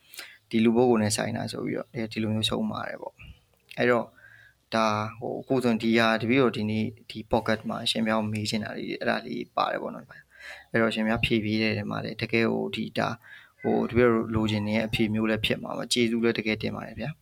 အဲ့တော့တပည့်တော်နောက်ထပ်မေးချင်တာပေါ့နော်ဒါဟိုအရှင်ဝေရသူခိစ္စနဲ့ပတ်သက်တော့ပတ်သက်လို့ပေါ့အမျိုးဘာသာသာသနာနဲ့ပတ်သက်ပြီးတော့ အာအထူးသဖြင့်တပည့်တော်တို့ဒါမှအဖော်ရီမြိုင်ဆရာတော်ဘုရားကြီးဆိုတာတပည့်တော်တို့ဒါဘာပြောရဟန္တာလို့လဲသမုတ်တယ်အကုန်လုံးကလည်းအင်မတန်လေးစားတဲ့ဒါပုံကိုယ်တွေမှာပါပါတယ်တပည့်တော်တို့အင်မတန်လေးစားချစ်ခင်ရတဲ့ဒီဘာပြောပြောအင်မတန်ကြည်ညိုရတယ်ပေါ့နော်အဲ့လိုပုံကိုယ်တွေမှာပါတယ်အဲတနေ့တော့ပြောလို့ဆရာတော်ဦးရသူနဲ့ဒီမှာဘောမြန်ဆရာတော်ဖရာကြီးတို့စကားပြောကြတဲ့အထဲမှာပေါ့နော်သူတို့တွေ့လာရတာဒီတော့ ဟိုအမှန်တိုင်းပြောရင်တကယ်လဲ short ရသွားပါတယ်ဒီလိုရဲ့အပေါင်းအသင်းတွေတိမိတ်ဆွေတွေထဲမှာအမေရိကန်နိုင်ငံသူတွေလည်းရှိတယ်ပြင်သစ်တို့အဲ့လိုမျိုးနယ်သာလန်တို့ကဒီဗုဒ္ဓဘာသာတပ်ဝင်ယုံကြည်တဲ့သူတွေလည်းရှိရပေါ့သူတို့ကအမြဲပြောလို့ပြောတာရှိတာဒီဆရာတော်အရန်ဖူးခြင်းတယ်ဒါသူတို့ရန်တော်အရန်တွေ့ခြင်းတယ်ပေါ့နော်အဲ့ပုံစံမျိုးပါသို့ပေမဲ့အဲ့ရှင်ဟိုရသူနဲ့ဒီတပည့်တော်တို့ဒီမဟာဗောဓမြန်ဆရာတော်ဖခင်ရဲ့ဒီ conversation တွေထဲမှာပါပါလာလဲဆိုတော့ဒီကလားနဲ့ပတ်သက်ပြီးတော့ဗောနော် ဒီတော့ကလားနဲ့ပတ်သက်ပြီးတော့ဒါကလားတွေပေါ့ဒီအသုံးလုံးဆိုတာကဘာမှတော့တားမြစ်ထားတဲ့ဟာမျိုးပေါ့ဒီကလားတွေဒီမွတ်စလင်တွေအဲဒီဒီလူတွေနဲ့ပတ်သက်ပြီးတော့ပြောလိုက်တဲ့စကားတွေမှာပေါ့နော်ဒီကလားတွေကြောင့်ဒါဗုဒ္ဓဘာသာဒုက္ခရောက်မယ်ပေါ့နော်ဒီပုံစံမျိုးတွေဒီလိုပြောဆိုတွေပါလာတဲ့ခါမှာအင်မတန်ကို short ဖြစ်သွားပါတယ်အဲလိုမျိုးဖြစ်တဲ့အချိန်မှာပေါ့နော်တပြည့်တော့အမှန်တိုင်းပြောရင်အဲ့ဒီနေရာမှာဟိုတော်တော်ထွေပြားသွားတယ်ပေါ့အဲ့တော့တပည့်တော်တို့ လက်ရှိခေတ်ကာလအခြေအနေနဲ့ပေါ့နော်ဒီယဟန်နာတို့တပည့်တော်တို့အဲ့လိုမျိုးဟိုဒီ area ပုံကိုတို့ဆိုတဲ့အနေထားမှာပေါ့ဘလို့ပုံစံမျိုးနဲ့တပည့်တော်တို့တတ်မှတ်ရမလဲပေါ့နော်ရှင်ဗျာပြီးတော့လည်းတကယ်တကယ်ဒီ area တို့ဒီယဟန်နာတို့နောက်ကိုလိုက်ရမလားဒါမှမဟုတ်မြတ်စွာဘုရားရဲ့အဆုံးအမတွေကိုပဲဟိုကြင်ကြံအားထုတ်ရမလားဒီလိုပုံစံမျိုးတွေအမြဲတမ်းရဖြစ်လာတော့ဗျာအဲ့ဒါနဲ့ပတ်သက်ပြီးတော့အဲ့ ဆိုင်ခေရှင်ဗျာကြည်အောင်နည်းနည်းပြောပြပြပါဗျာဟုတ်ကဲ့ဒါလည်းအင်မတန်ရေးကြည့်ပါတယ်ဒါတော့ဦးဇင်းတို့ပြည်သူတွေကအမှတ်မနေကြတာပေါ့နော်တကယ်တော့နံပါတ်1ကတော့ဗုဒ္ဓဗုဒ္ဓအရေးကြီးဗုဒ္ဓလမ်းစဉ်ပေါ့နော်ဗုဒ္ဓလမ်းစဉ်ရေးဆိုတော့ဗုဒ္ဓဟောဖို့ညွှန်ပြပေးထားခဲ့တဲ့ဓမ္မဓမ္မအရေးကြီးပါတယ်မိမိတို့ကဒီဓမ္မဟာကြေးမုံပြင်ပါပဲကိုမျက်နှာမှာမိမိတို့ ဝါချန်တွေရှိတယ်တင်းသိတွေရှိတယ်အနာစာတွေရှိတယ်ဟေ့ဆိုရင်မှန်ကြည့်ပြီးတော့ပြင်ညရတာပါပဲဒီလိုပဲမိမိတို့ဟာဘာရီမားနေလဲလို့ကြည့်ကြရင်ဓမ္မကြီးမှုန်ပြင်ကိုကြည့်ရတာပါပဲဒါဟာအရေးကြီးပါတယ်ပုံကိုယ်တွေနဲ့မကြည့်ရဘူးဦးဇင်းတော်ပုံကိုယ်တွေနဲ့တွားတွားကြည့်ကြတဲ့အခါကျတော့ဘယ်သူကဘယ်လိုလုပ်သိမလဲနော်မဘောရင်ဆရာတော်ကိုအပြင်ကနေပြီးတော့မိမိတို့တွားဆုံးဖြတ်နေကြတာတို့တို့ရဟနာဖြစ်တဲ့အရိယာဖြစ်တဲ့ဟေးဆိုတာအပြင်နေကနေလျှောက်ပြောနေတာလေသူ့ရဲ့အတွင်းထဲမှာအရာက ဘာစိတ်တွေဖြစ်နေတယ်ဟေးဆိုတာဘယ်သူမှလည်းသိတာမဟုတ်ဘူးသူကငကိုတဲ့ကလည်းပဲဟိုငယ်စဉ်တဲ့ကွာဒီဘာသာနဲ့ပတ်သက်တဲ့အစွဲတွေရှိတယ်နော်ဒီဥစ္စာတွေရေးခဲ့တာတွေရှိတယ်နော်ဒီကလာမုံသီးတဲ့ကြပြာတွေသူရေးခဲ့တာတွေရှိတယ်ဝေဒသူကိုယ်တိုင်နဲ့သူကြပြာတွေဖတ်နေတာတွေရှိတယ်ဒါငငယ်လေးတဲ့သူမကောင်းတဲ့တက်ခံရှိတာပေါ့ဗျာပြောရမယ်ဆိုရင်ဦးဇင်းတို့လူတွေကထင်နေကြတာကဟိုတော်ထဲမှာတွားပြီးကျင့်နေတယ်ဟေ့ဆိုရင် ဒါဒါရဟန္တာလို့အဲ့လိုမျိုးရဟန္တာဆိုတော့အဲ့လိုတော်တဲ့တွေဝင်တာတွေကူအောင်တာတွေတပါးတဲ့နေတာတွေနဲ့တတ်မှတ်လို့ရတာမှမဟုတ်တာသူစိတ်ထဲမှာပြစ်ပေါ်နေတဲ့လောဘဒေါသမောဟမာနတွေကိုသူဘယ်လောက်ထိပယ်နိုင်တယ်လဲဘယ်လောက်ထိပါဝါတယ်ဘယ်လောက်ထိကင်းသွားတယ်လဲနော်ခုနပြောတဲ့လူမျိုးအစွဲဒါရာအစွဲတွေဘယ်လောက်ကင်းသွားတယ်လဲဆိုတဲ့ပုံမှာမူတည်တာပေါ့အခုဟာဒါတွေမကင်းတဲ့ပြင်ကိုအမုန်းတရားတွေဟောတယ်ဟေးဆိုတာတော့ဘယ်လိုလုပ်သွားပြီးအရိယာဖြစ်မှာလဲအရိယာဟေးဆိုတာအရိယာအကျင့်ကျင့်မှာဖြစ်မှာပေါ့စိတ်မှာဖြစ်နေတဲ့ ကိလေသာအညစ်အကြေးတွေကိုပယ်ကြရတာအမုန်းတရားတွေကိုခေါင်းရတာမှမဟုတ်တာကိလေသာတွေပယ်နေတဲ့လူကပါဇက်ထဲကနေဘလို့နီးနဲ့မှအမုန်းတရားမထွက်ဘူးနော်ဒါမေတ္တာတုတ်ထဲမှာတော့မပါနေတာပဲမာတယထာနိယံဗုဒ္ဓမာယုဒဧကဗုဒ္ဓမနုရခေဆိုတာဒါဓမ္မပေဒံပဲနော်ခုနပြောတဲ့ဘာသာနဲ့စီးကြတာတာမရှိဘူးအာလုံးသောတရားဝိနည်းတွေပုံမှာတယောက်သေးတော့မိခင်ဟာသူ့ရဲ့သားလေးတယောက်သေးတော့တားပေါ်မှာ အမြဲတမ်းကရုဏာနော်ကရုဏာနဲ့ချစ်ခင်နေကျင်နာတယ်စောင့်ရှောက်တယ်နော်ဝစီကံနေနဲ့အမြဲတမ်းနော်မေတ္တာတဲ့အပြည့်အဝရှိတယ်အမြဲတမ်းဒါကရုဏာအပြည့်မုဒိတာအပြည့်အောင်မြင်နေဆိုရင်ဝမ်းသာတယ်နော်မေတ္တာနော်မေတ္တာချစ်ခင်တဲ့စိတ်ကလည်းနည်းနည်းမှကွက်မတော်ဘူးနော်ဥပိ္ပခာနော်မေတ္တာကရုဏာမုဒိတာဥပိ္ပခာဆိုတဲ့ပြမစုတရားနဲ့အမြဲတမ်းနေ အဲ့ဒီခုနပြောတဲ့မိခင်ရတာတယောက်ပေါ်မှာတကယ်စစ်မှန်တဲ့မေတ္တာတရားနဲ့အပြည့်အဝနေသလိုမျိုးအလုံးသောဘာသာပေါင်းစုံအပေါ်မှာတရားဝိနည်းအပေါ်မှာရေကုန်းကောင်းကင်အကုန်လုံးမြဲမမြဲတဲ့ပုံမှာမိခင်ရဲ့မေတ္တာမျိုးနဲ့နေရမယ်လို့ဗုဒ္ဓကဆုံးမထားတယ်တရားရှိလေဒီတိုင်းနေလေပဲအဲ့ဒီပေဒံနဲ့တိုင်းတာရမှာအဲ့ဒီပေဒံနဲ့မဟုတ်ဘဲနဲ့အမုန်းတရားတွေထွက်လာပြီးယေရှုကျိန်းနေတဲ့ဒါဘလို့နီးနဲ့မှရဟန္တာမဟုတ်ဘူး အာလူရကုဏပြောလို့ကိုယ့်အထင်ကိုယ့်အမြင်နဲ့ဆုံးဖြတ်ပြီးဒီလိုထွက်လာတော့ဟာအံ့ဩတယ်ဆိုတာနော်အဲ့လိုတွေဖြစ်ကုန်ကြတာအမှန်မှာတော့မှားယွင်းမှုတွေပဲဒါကြောင့်မလို့ဗုဒ္ဓမြတ်စွာဘုရားကာလမတုံမှာထင်ပါဗျာငါတို့ကိုယ်ဝင်နေတဲ့ဘုန်းကြီးရဲ့စကားဆိုပြီးတော့လည်းအလွယ်လက်မခံနဲ့ဒါကြီးရဲ့စာပေကျမ်းဂန်တွေရဲ့စကားကြီးဆိုပြီးတော့လည်းလက်မခံနဲ့ရှေးထုံးအစဉ်လာဆိုပြီးတော့လည်းလက်မခံနဲ့အဖေစကားအမေစကားတွေဟေ့ဆိုပြီးတော့လည်းအလွယ်လက်မခံနဲ့ နော်နောက်ဆုံးကုံကုံပြောမယ်ဗုဒ္ဓသူစကားတော်မှာပဲမိမိတို့အလွယ်လက်မခံနဲ့တိတိကျစဉ်းစားအကြောင်းကျိုးကိုက်ရဲ့လားအမှားမှန်ကိုက်ရဲ့လားအကျိုးရှိလားမရှိဘူးလားမှန်ပါဗျာနော်ပညာရှင်တွေတကယ်ကိုလက်ခံတဲ့စကားလားဒီစကားပိစုပန်ရင်တကယ်ကိုလက်တွေ့တဘာဝအကျိုးရှိတဲ့တရားတွေလားအလုံးစမ်းစစ်ဝေဖန်ပြီးကိုပိုင်ကောင်းတဲ့အတ္တရဲ့အတ္တနာတော်ကိုဤနာတော်ကရောတိယကိုကိုကိုရာလျင်ဒီဓမ္မတွေကိုအားကိုးရဖြစ်အောင်ကြိုးစားနော် တခြားအားကိုးရမရှိဘူးဗုဒ္ဓငါတော်လာအာမကိုနဲ့ကိုကျင့်တဲ့ဓမ္မပဲကိုအားကိုးရဖြစ်မှာကိုရင်နမကိလေသာတွေကင်းအောင်ကျင့်ရင်အဲ့ဒီကင်းခြင်းဟာအေးခြင်းဆိုတဲ့ဓမ္မဖြစ်မယ်အဲ့ဒီဓမ္မရဲ့အကျိုးကိုခံစားရမယ်ဥယင်းနေကျင့်ရင်ကိလေသာအပူတွေလောဘအပူဒေါသအပူမောဟအပူအမုန်းတီးမှုတွေမနာလိုမှုတွေဒါတွေထည့်ရင်ဒီအပူကိုခံစားရမယ်ကိုလောင်မယ်နံပါတ်1ကိုလောင်မယ်နံပါတ်2ကိုဝင်းကျင်လောင်မယ်နော်ကိုကဒေါသတွေအမုန်းတွေဖြစ်ရင်လူတွေအမုန်းစကားတွေဖြတ်မယ် နံပါတ်1ကိုပူမယ်ကိုအမုန်းစကားတွေကြားပြီးလူတွေကထပ်ပူမယ်နော်အဲ့ဒါပါကိုကအေးနေအေးစကားတွေဖြတ်မယ်အဲ့ဒီအေးတွေကိုကိုယ်တိုင်ခံစားမယ်ကိုဝင်းကျင်ခံစားမယ်ကိုကမေတ္တာပေးရင်ကိုယ်ကိုယ်တိုင်မေတ္တာရမယ်အလုံးနဲ့မေတ္တာတွေရမယ်ဒါဘုရားဝေပဲဘုရားကာလမတုံးမှာခုနပြောခဲ့တယ်လို့အထင်ရှားဟောထားခဲ့ပြီးတာဘယ်ပုဂ္ဂိုလ်ရဲ့နောက်ကိုမှမလိုက်နဲ့ဓမ္မကိုပဲနားလဲအောင်လက်တွေ့ကျင့်သုံးဗုဒ္ဓခုနပြောခဲ့တဲ့နော်သူ့လက်ထက်မှာတော့ ဝဂလိမထေရဗုဒ္ဓကိုအယံကြည်ညိုတယ်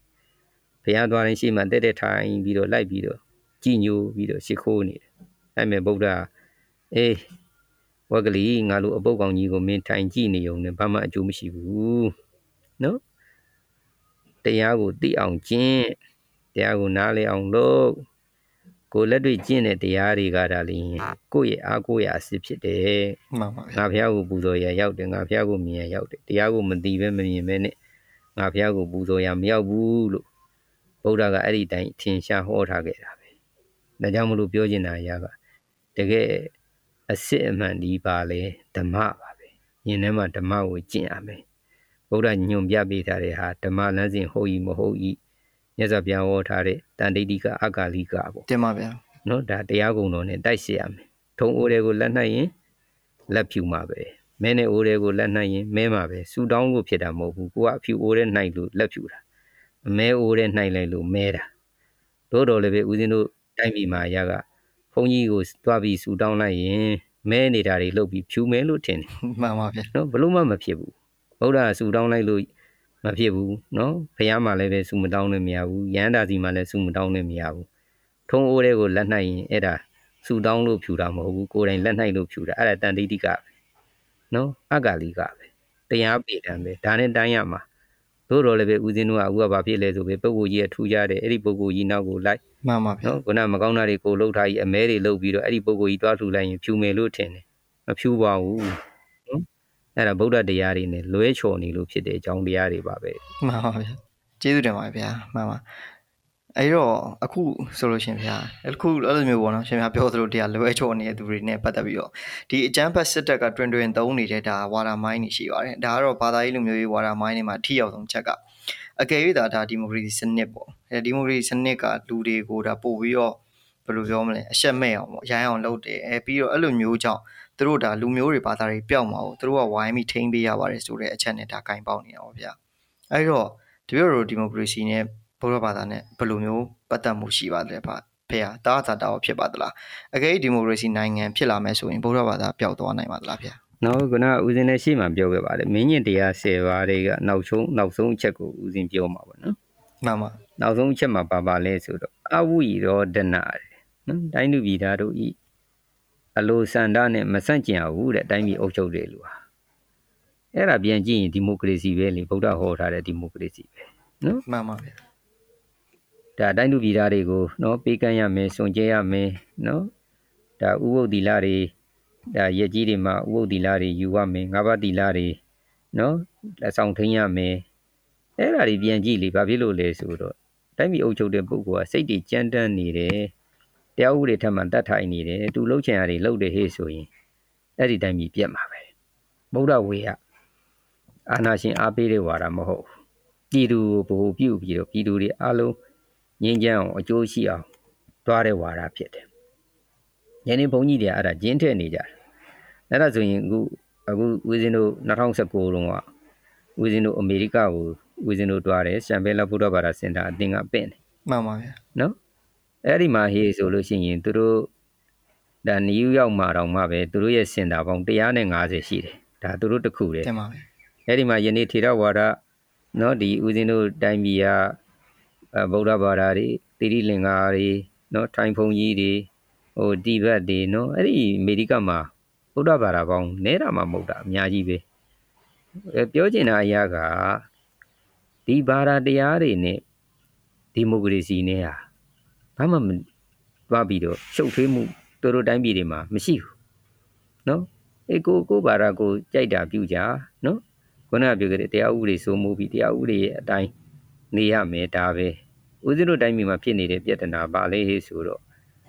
ဒီမိုကရေစီဖြစ်ရင်နော်တိုင်းပြည်ကြီးနှိမ့်ကြမယ်ပျက်စီးမယ်ဆိုတာအဲ့ဒါကလင်ကကြီးကြားထားကြတာဒါကဘာလုပ်နေတာလဲဆိုတော့ဘုန်းကြီးတွေကသူတို့အခွင့်အထူးကန်တွေပျောက်သွားမှာဆိုလို့ တမန်ကကလင်ကကြီးကြပြီးတော့ပြောနေကြခြင်းဖြစ်တယ်နော်ဘာဖြစ်လို့လဲဆရာနာရှင်က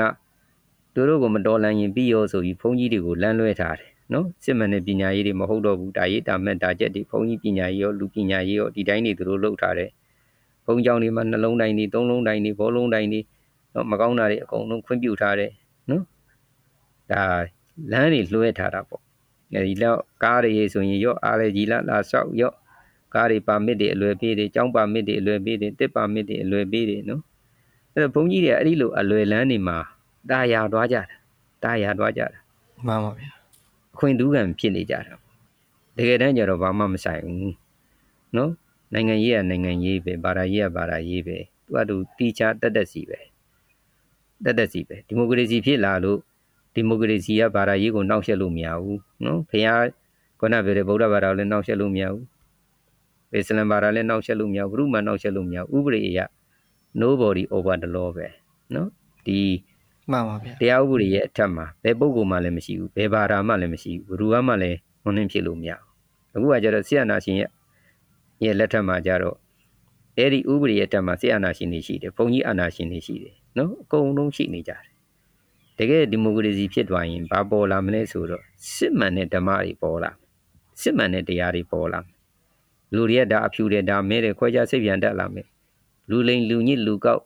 အာနာရှင်နဲ့ပေါင်းစားတဲ့လူယုံမှာဘုန်းကြီးတွေကြကုန်မယ်စာရိတ္တတီလမခိုင်မာတဲ့ဘုန်းကြီးတွေတန့်ရှင်းသွားမယ်ဝါရိတ္တတီလမခိုင်မာတဲ့ဘုန်းကြီးတွေတန့်ရှင်းသွားမယ်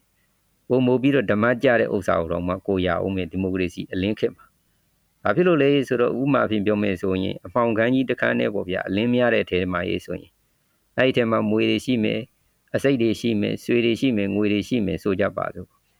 မောင်းနေတဲ့ဟေးဆိုရင်ဘာလို့တွေ့မလဲအစိတ်တွေဆမ်းမိမယ်မွေကြိုက်မယ်နော်မွေဝေးတွေကြိုက်မယ်မွေဟောက်တွေကြိုက်မယ်အမှောင်ထဲမှာဆိုးကြိုးတွေပဲဖြစ်မှာပေါ့လင်းသွားပြီဟေးဆိုရင်ဩဒါကရွှေပဲဒါကစိန်ပဲဒါကရွှေအတုပဲဒါကမွေပဲဒါကအစိတ်ပဲအလင်းရှိရင်ခွဲခြားလို့ရတယ်မှန်ပါဗျာအခုကဦးဇင်းတို့တိုင်းပြည်မှာဆရာနာရှင်အမောင်ကြနေတော့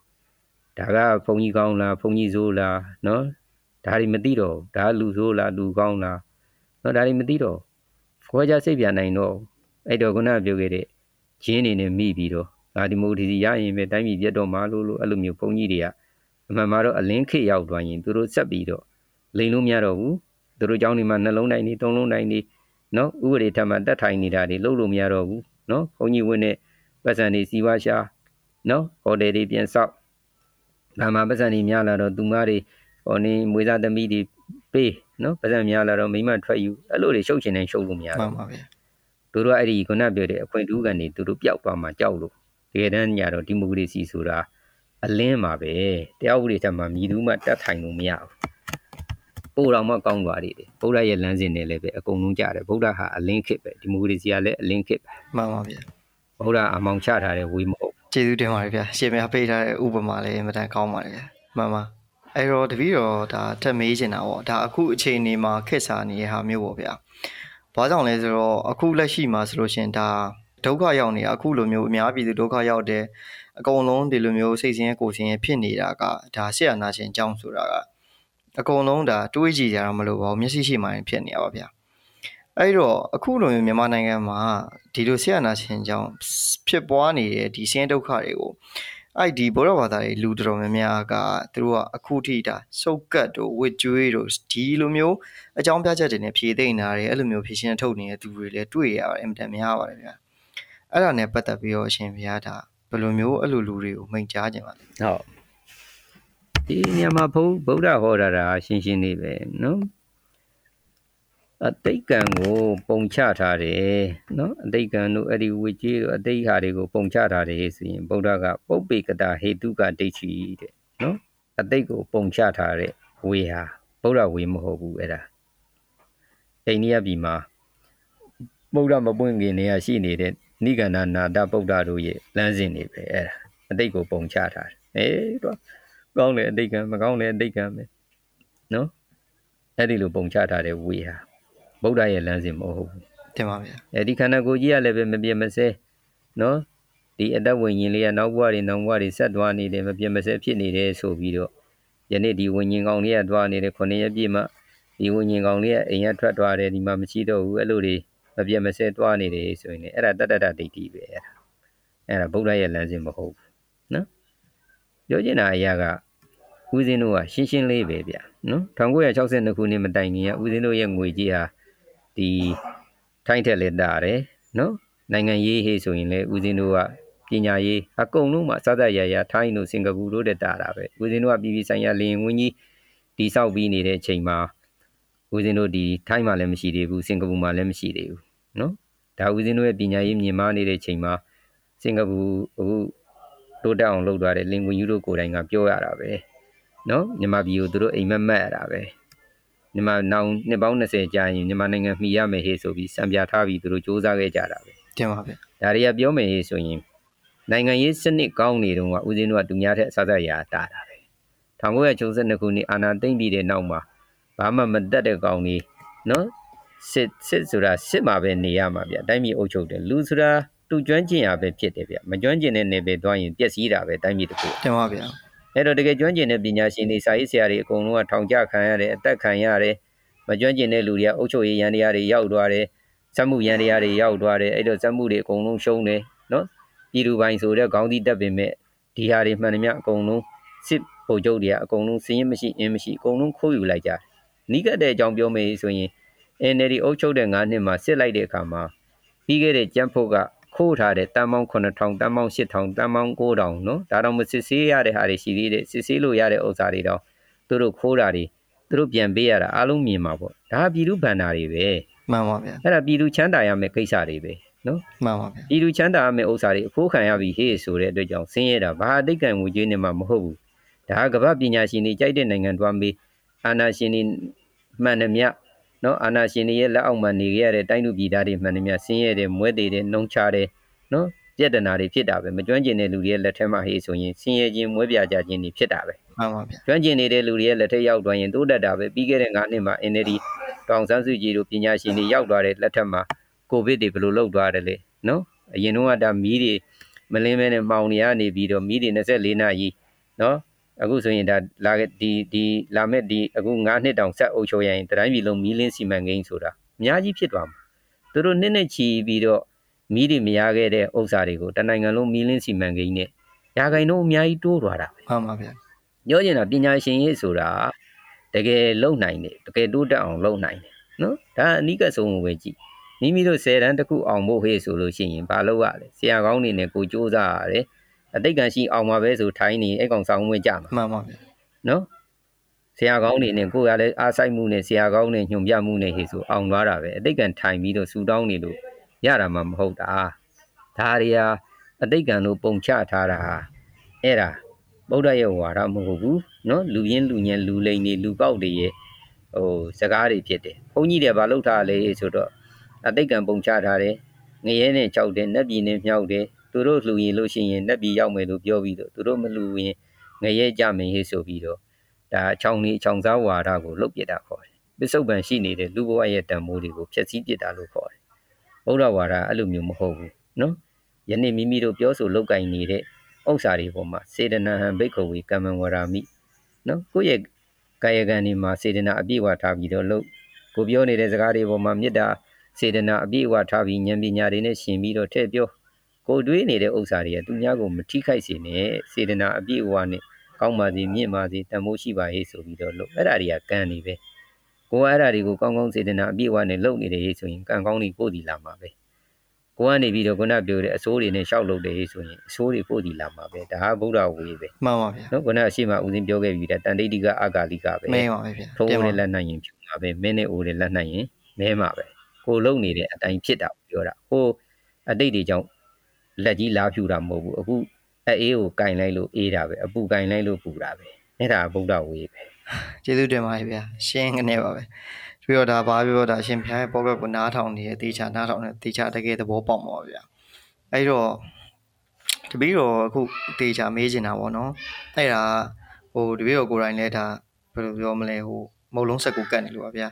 ဒီလိုပဲဖြစ်နေတော့ အခုလက်ရှိကျတော့တပီတော့မြန်မာနိုင်ငံမှာလူမျိုးပေါင်းစုံဘာသာပေါင်းစုံရှိပါတယ်ဗျာတိုးပေမဲ့ခေတ်ဆက်ဆက်မှာတပီတော့ဗုဒ္ဓဘာသာကနိုင်ငံတော်ဘာသာဖြစ်ရောနေတယ်ပြီးတော့လူမျိုးကြီးပေါ့နော်ဗမာအများစုကိုးကွယ်တဲ့လူမျိုးကြီးဘာသာတစ်ခုဖြစ်တဲ့လွန်မိုးနေရရှိတယ်ပေါ့အဲ့ဒီပေါ်မှာပြောလို့ဒါထိန်းကိုမှုတစ်ခုအနေနဲ့ဒါစီကန်းနေပါချမှတ်မယ်ဆိုတဲ့အနေအထားမှာဒီမိုကရေစီကလူအများရဲ့သဘောလိုက်တဲ့အနေဖြစ်တဲ့အတွက်ပေါ့နော်ဒီ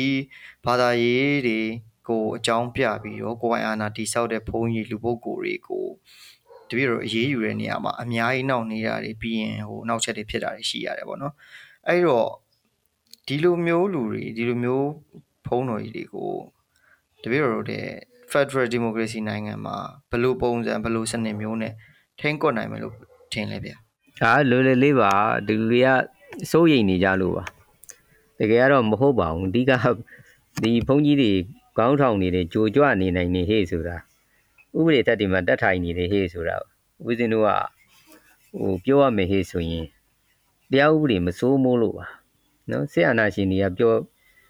တရားဥပဒေရဲ့အထက်မှာတတ်ထိုင်နေကြတဲ့ခါကျတော့အဲ့ဒီသူတို့ကလည်းပဲအာဏာကိုဖူလုံးလုပ်ထားပြီးတော့အသက်ဆက်နေရတဲ့ပုံကိုယ်တွေဖြစ်တဲ့အတွက်ကြောင့်အာဏာ sharing လုပ်တယ်လို့ခေါ်တာပေါ့ဗျာတင်ပါဗျာလူထုတွေကိုမကြွနိုင်အောင်လို့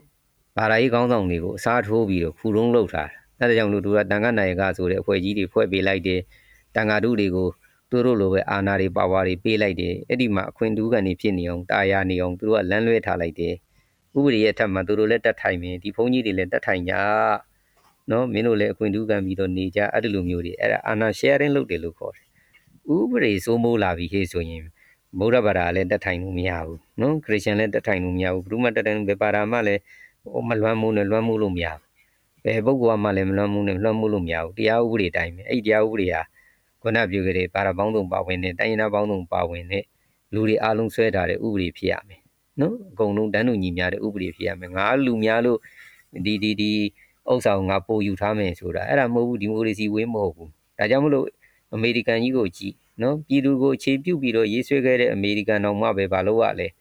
သူတို့အရင်တုန်းကဒါလူယူလူမဲဟဲ့ဆိုလူမဲတွေကိုနှိမ့်ကုတ်ထားတာတွေသူတို့ရှိတာပဲမှန်ပါဗျာနောက်တကယ်တောင်းဆိုလာပြီးတော့ဥပဒေတွေစိုးမိုးလာတဲ့အချိန်မှာအခွင့်အရေးတွေရပါလို့ကလည်းပေးလာရတာပဲတင်ပါဗျာတိုက်ယူရတာပဲမှန်ပါဗျာဒါကြောင့်မလို့ပြောချင်တာရနော်ဟိုအများကြီးဆိုပြီးတော့လွှမ်းမိုးနေလို့မရဘူးဒွေနာပြောတဲ့ဆရာနာရှင်တွေမရှိတော့ဘူးလေဆိုတောက်ထောက်မဲ့လို့မရှိရင်ဘုန်းကြီးတွေကြိုကြွလို့မရဘူးပြည်သူကလက်မခံဘူးဟေ့ဆိုရင်ကြိုကြွလို့မရဘူးပြည်သူတွေအမြင်ကျဲလိုက်ရင်ဘုန်း ကြီးလည်းပဲသူခုနပြောခဲ့တယ်လှုပ်ချင်တာလှုပ်လို့မရဘူးမှန်ပါဗျာအမောင်ခေတ်ထဲမှာဟေ့ဆိုတော့သူတို့လှုပ်ချင်တာလှုပ်လို့ရတာပေါ့အလင်းခေတ်ပြလိုက်ရင်သူလှုပ်ချင်တာလှုပ်လို့မရဘူးဒါဟုတ်ဒီမိုကရေစီဟေ့ဆိုတာအများဆန္ဒအဲ့လိုကြီးတွေကိုလည်းတစ်ထစ်ချက်ကောက်တာမဟုတ်ဘူးဥပဒေထက်မှာတက်မထိုင်ရတဲ့ဥစ္စာတွေနော်အားလုံးတန်းတူညီမျှတွေအဲ့ဓာတွေကိုဒီမိုကရေစီလို့ပြောတာပါကျေးဇူးတင်ပါတယ်ဗျာဒါဆိုလို့ရှရင်ဒါဘာပဲပြောဟို သဘောပေါက်နားလည်မှာပါဗျာလူတွေရဲ့အနေထားမှာလူတွေရဲ့သဘောဒီမိုကရေစီလို့ခေါ်တဲ့အခါမှာဒါလွတ်လပ်ခွင့်ဆိုတဲ့ပုံစံမျိုးနဲ့ပေါ့နော်အကြမ်းမြင့်မဲ့တည်ထားတာပေါ့တကယ်ကြတော့ဒီမိုကရေစီဆိုမှဒီမိုကရေစီဆိုတဲ့ဒါအထိပ္ပယ်မှာပါ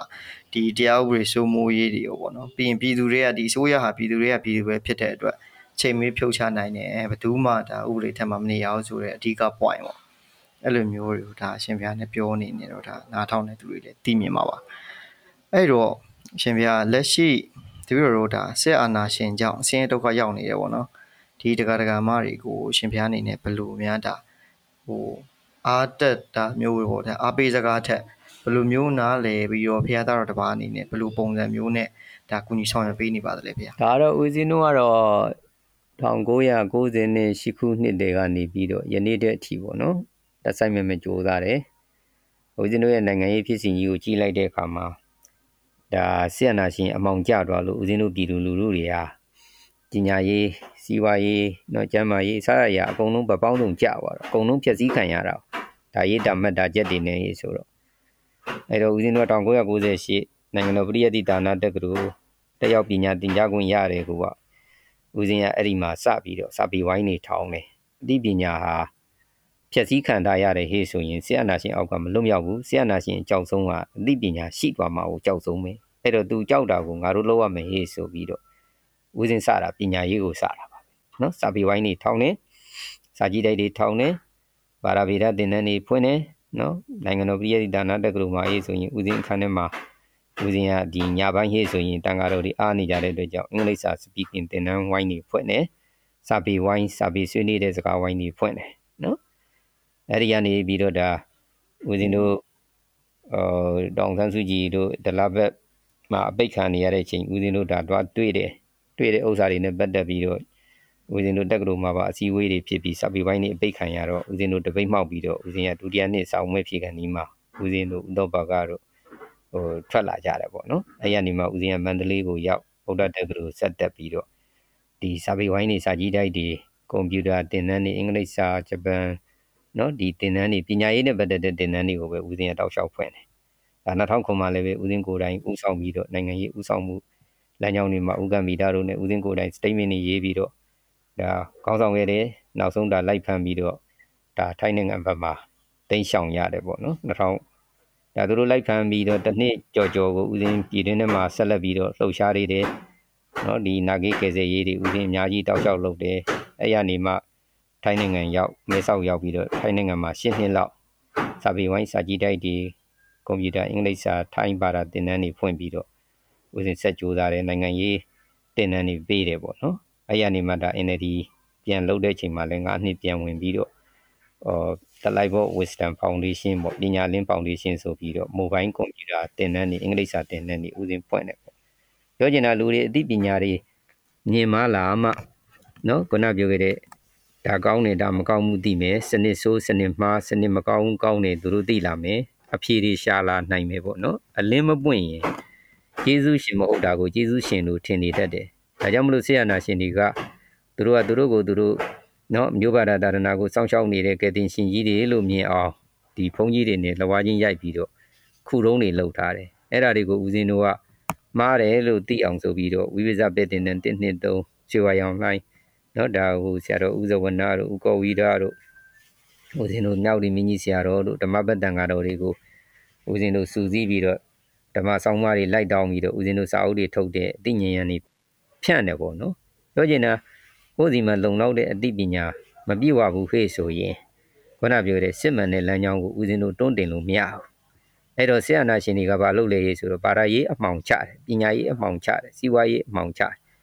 လူတွေတနေ့လှုပ်စားတနေ့စားပြီးဆင်းရဲမွဲတည်နေရင်သူတို့ကိုမတော်လှန်နိုင်ဘူးဟဲ့ဆိုပြီးတော့ ဒါသူတို့လှုပ်တာအခုမြင်တဲ့အတိုင်းပဲဒါငွေကြေးတွေကိုဘီလီယံနဲ့ချီပြီးတော့ထုတ်လိုက်တယ်ဆိုတာအာနာသိမ့်တဲ့ကောင်တွေကဘလို့မှလုတ်ပိုင်မှုမရှိဘူးအာနာမတရားသိမ့်ပိုက်တဲ့ကောင်မပြောနဲ့တိုင်းပြည်ကိုတရားဝင်အုပ်ချုပ်တဲ့လူတော်မှငွေရရိုက်ပြီးထုတ်ချင်တိုင်းထုတ်လို့မရဘူးနော်ရှိနေတဲ့ငွေကြေးတွေနဲ့အာမခံနေနဲ့ပေါင်တင်ပြီးတော့ငွေကြေးကိုခိုင်မအောင်ကြစ်လက်အောင်လုပ်ရတယ်ဒါတွေနဲ့လဲပတ်ရတယ်အဲ့ဒါအခုကြတော့ဘီလီယံတွေကိုယာနဲ့ချီပြီးရိုက်လိုက်တဲ့အခါမှာဒါဘာလုပ်တာလဲဆိုတော့ ပြည်သူပိုင်နေတဲ့ငွေကိုခိုးယူလိုက်တာပဲနော်လူကအရင်တုန်းကဟိုဒေါ်လာကို1200 300ပေးနေရနေပြီးတော့4000မှေးဆိုတဲ့ကွာ4000ပေးဝယ်ရရင်ဘလောက်ဆုံးရှုံးသွားလဲတွက်ကြည့်လိုက်လေကိုငွေခိုးခံလိုက်ရပြီနော်အရင်တုန်းကဟိုဒေါ်လာဒေါ်လာ100တန်ကိုကိုက3သိန်း2000နဲ့ရတာဟာအခုဒေါ်လာ4000ဟေးဆို4သိန်းပေးမှရတော့မယ်ကိုဘလောက်ဆုံးသွားပြီလဲ နိုင်ငံခြားပစ္စည်းကိုအရင်က3သိန်း2000နဲ့ပေးဝယ်နေလို့ရတာဟာ4သိန်းပေးမှကိုဝယ်လို့ရတော့မယ်ဟေးဆိုတာကိုငွေကတွက်ကြည့်လိုက်လေဘလောက်ခိုးခံလိုက်ရပြီနော်ဒါရီဟာဒါဆက်အနာရှင်တွေကတက်တမဲ့နော်ပြည်သူလူထုကိုစင်းရမွဲတည်အောင်လုပ်တာပဲမွဲတည်နေရင်တို့မတော်လှန်နိုင်ဘူးတို့ဥစ္စာကပညာမွဲတည်နေရင်တို့မတော်လှန်နိုင်ဘူးစင်းရမွဲတည်နေရင်တို့မတော်လှန်နိုင်ဘူးဘာသာရေးအမှောင်ကြပြီးတော့ဘာသာရေးကိုဖျက်ဆီးနေပြီမဲ့ကဲတင်ရှင်လို့မြင်အောင်လုပ်ထားနိုင်ရင် ဒီဘာသာရေးကျင်းမိနေတဲ့လူတွေကမတော်လှန်နိုင်ဘူးဒါကြောင့်မလို့သူတို့ကအကောင်ကြီးကြီးလူလူတွေအလုံးယုံကြည်တဲ့တီတကူတို့လိုစေကိန်းနာတို့လိုအလုံးသောပုံကိုယ်တွေကိုသူတို့ကနေပြီးတော့ခေါင်းခောက်ပြီးတော့ရွေးချယ်ထားခြင်းဖြစ်တယ်အဲ့ဒီပုံကိုယ်တွေကဒါစစ်တပ်ကိုထောက်ခံလိုက်တဲ့အခါကျရင်အဲ့ဒီယုံကြည်နေတဲ့လူတွေကသူတို့ကိုထောက်ခံမှာပဲဟေ့ဆိုပြီးတော့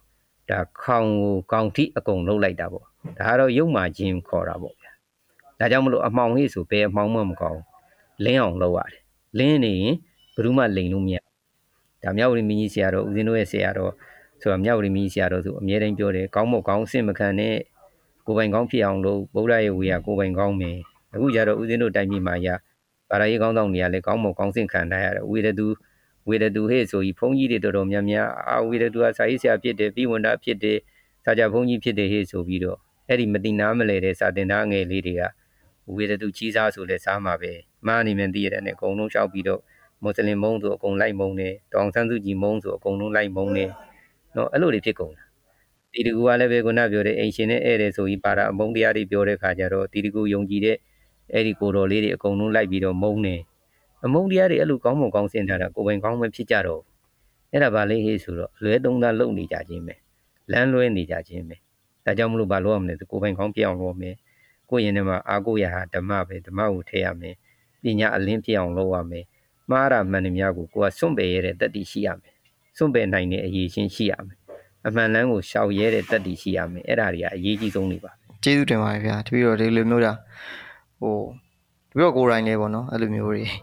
ဟိုအမှန်တိုင်းပြောရင်ဒီကာလမှာဆိုလို့ရှိရင်ဟိုတရားဓမ္မနဲ့လည်းကင်းကွာသွားတာလည်းအများကြီးပါပါတယ်ဗျာတော်ထဲမှာလည်းဒါပါပြောဟို အချိန်ကြီးပေးခဲ့ပြီးတော့လိုမျိုးနေပြီးတော့လဲစိတ်ချမ်းကိုချမ်းနေပေါ့စိတ်ချမ်းကိုချမ်းနဲ့ပြန်ထွက်လာတဲ့အခုဒီဘက်ရောက်တယ်ပြီးတော့ရောက်တော့လဲဒါပါပြောနိုင်တဲ့ဘက်ကနေလုံနေတဲ့အချိန်မှာတတော်တော်လေးအခုဘာသာရေးပိုင်းနဲ့လည်းကင်းကွာသွားရရှိပါတယ်ဗျာတိုးပေမဲ့တကယ်တကယ်ဒီရပိုင်းနေမှာမြင်ရတွေ့ရတဲ့စိတ်စိတ်လာတာအဲ့လိုမျိုးပေါ့နော်တို့တို့ဘာပြောဟိုဘာသာရေးနဲ့ပတ်သက်ပြီးပတ်သက်ပြီးတော့လူတွေက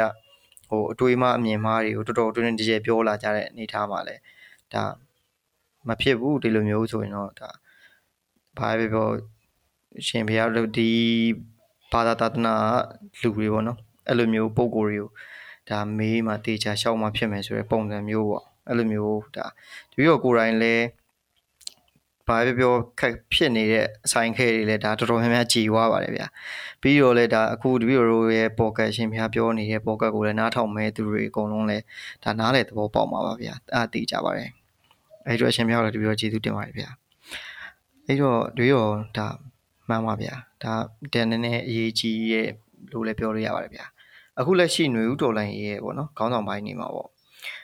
အခုမြေပြင်ပိုင်းမှာရှိတဲ့ဒီရှေ့တန်းမှာတိုက်ပွဲဝင်နေတဲ့ဒါလူငယ်တွေရောဒါပြည်သူလူလူတွေနဲ့ရောကင်းကွာတာရှိပါတယ်အဲ့လိုအခြေအနေမျိုးမှာဒါရှင်ဖျားအနေနဲ့ဒါဒီလိုဆိုလဲဒါဟိုရန်တန်ကဆိုလဲလေးစားပါတယ်အဲ့တော့လေးစားတဲ့ပုံကိုတယောက်အနေနဲ့အဲ့လိုမျိုးဒါကင်းကွာနေတဲ့ကောင်းဆောင်ပိုင်းအနေနဲ့ အဲ့လိုမျိုးနားလည်မှုဘာပြောပြောနေပါတဲ့ဒီရှေ့တန်းမှာတိုက်ပွဲဝင်နေတဲ့လူငယ်တွေပြည်သူတွေနဲ့ပတ်သက်ပြီးတော့သူတို့ကြောင့်ဗာများမိန့်ကြားခြင်းပါလေဗျာอืมဦးဇင်းတို့ပြောခြင်းပြောကြားခြင်းတာကတော့ပေါ့နော်အဓိကကတော့ဦးဇင်းဒါအမြဲတမ်းပြုတ်ပြောနေတဲ့စကားပါအခုဒီတီတကူတို့စေကိနာတို့စားကြီးတွေပြင်ဘုန်းကြီးတွေရပေါ့နော်ကိုပြည်သူဘက်မကြည့်ဘဲနဲ့အမှန်တရားဘက်မကြည့်ဘဲနဲ့ဒါ ဆရာနာရှင်တွေကိုအားပေးလာတဲ့ခါမှာတချို့ဆိုလည်းဦးဇင်းတို့ကိုလာလျှောက်ကြတာတွေရှိတယ်နော်ကွန်မန့်တွေကနေရေးတာတွေရှိတယ်မက်ဆေ့ပေါက်တွေကနေပို့လာတာရှိတယ်ဖုန်းနဲ့ပြောလာတာရှိတယ်အဲ့တော့သူတို့ကဘာသာတော်မဲ့ကျင်ပြီနော်ဘာသာကိုယ်ွယ်ခြင်းစိတ်မရှိတော့ဘူးဒီဘုန်းကြီးတွေကိုကြည့်ပြီးတော့အဲဒီလိုတွေပြောလာတော့ဦးစင်းကဗာပြောပြလိုက်ဆိုတော့ဟုတ်တယ်နော်ဘာသာမဲ့လို့ရတယ်နော်ဘာသာမဲ့ခြင်းမဲ့လို့ရတယ်တိုးတော်လေးပဲဓမ္မမမဲ့စီနဲ့ဓမ္မဟာအရေးကြီးတယ်နော် ဒါကိုဦးစင်းတို့ကနေပြီးတော့ဟိုအမြဲတမ်းပြောပါတယ်ဘာလို့လဲဆိုဗုဒ္ဓဘာသာကိုတည်ထောင်ခဲ့တာမဟုတ်ဘူးဗုဒ္ဓဘာသာကိုမတည်ထောင်ခဲ့ဘူး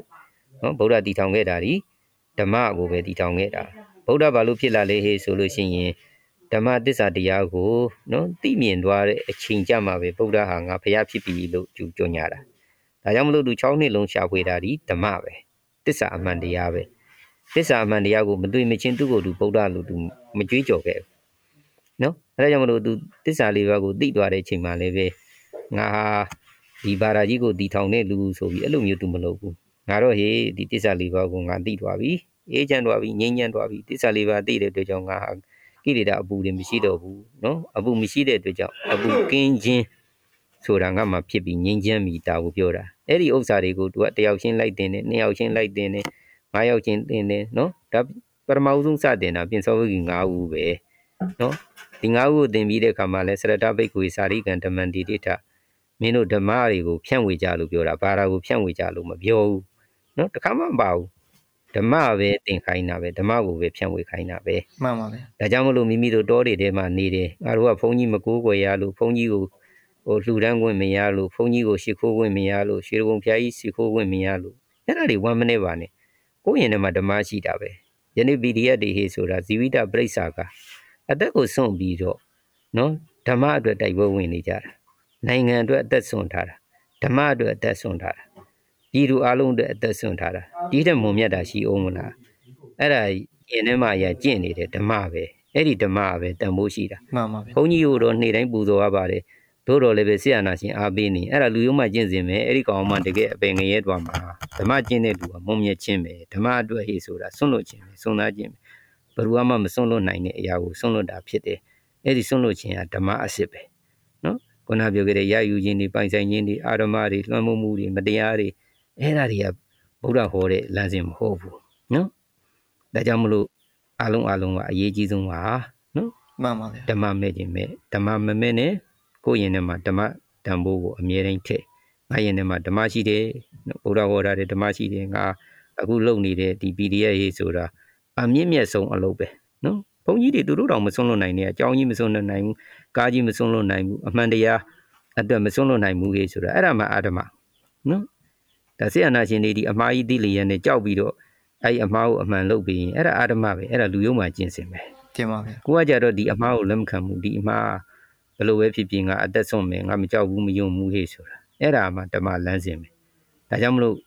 ယင်ထဲမှာဓမ္မရှိနေတဲ့သူဟာအမုံမြတ်ဆုံးအလုပ်ပဲလို့ဦးဇင်းအနေနဲ့ပြောကြလို့ပါကျေးဇူးတင်ပါတယ်ဗျာခုလိုမျိုးဒါမိန်ချပေးတဲ့အတွက်တကယ်တကယ်ရှေ့ထဲမှာလည်းဒါသူတို့တွေ့ရတယ်တပည့်တော်တို့ဆိုရင်ဒါမိတ်ဆွေအများကြီးတွေ့ရတယ်ပေါ့နော်အစ်စ်တွေ့ရတယ်ဒီကာလမှာ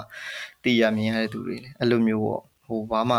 သူတို့ရှိမှထူးခြားတဲ့ဟိုမျောလင့်ချက်တွေထူးခြားတဲ့ဟာတွေမရှိဘဲနဲ့ဒါဒီဆရာနာရှင်ပြုတ်ကျသွားဖို့နဲ့ဒီမိုကရေစီစနစ်ပြန်ပြီးအကောင့်ထဲပေါ်ဖို့ဆိုတဲ့စိတ်ပဲရှိရဗျာ ဒါကတော့သူတို့ဆိုငါတော့ဒါပြီးွားရင်ကြောင်းပြတ်တတ်ချင်တယ်အဲငါတော့ဒါပြီးွားရင်ငါအဖေလုံလေးမှာငါပြန်လုပ်ချင်တယ်အဲအဲ့လိုမျိုးလူတွေအများကြီးတွေ့ရပါတယ်ဗျာအဲ့လိုမျိုးဆိုတော့ဒါရှင်ဘုရားပြောတဲ့စကားကိုသူတို့ကြားမယ်ဆိုလို့ရှိရင်ဒါသူတို့အင်မတန်ဝမ်းသာမှာပါဗျာ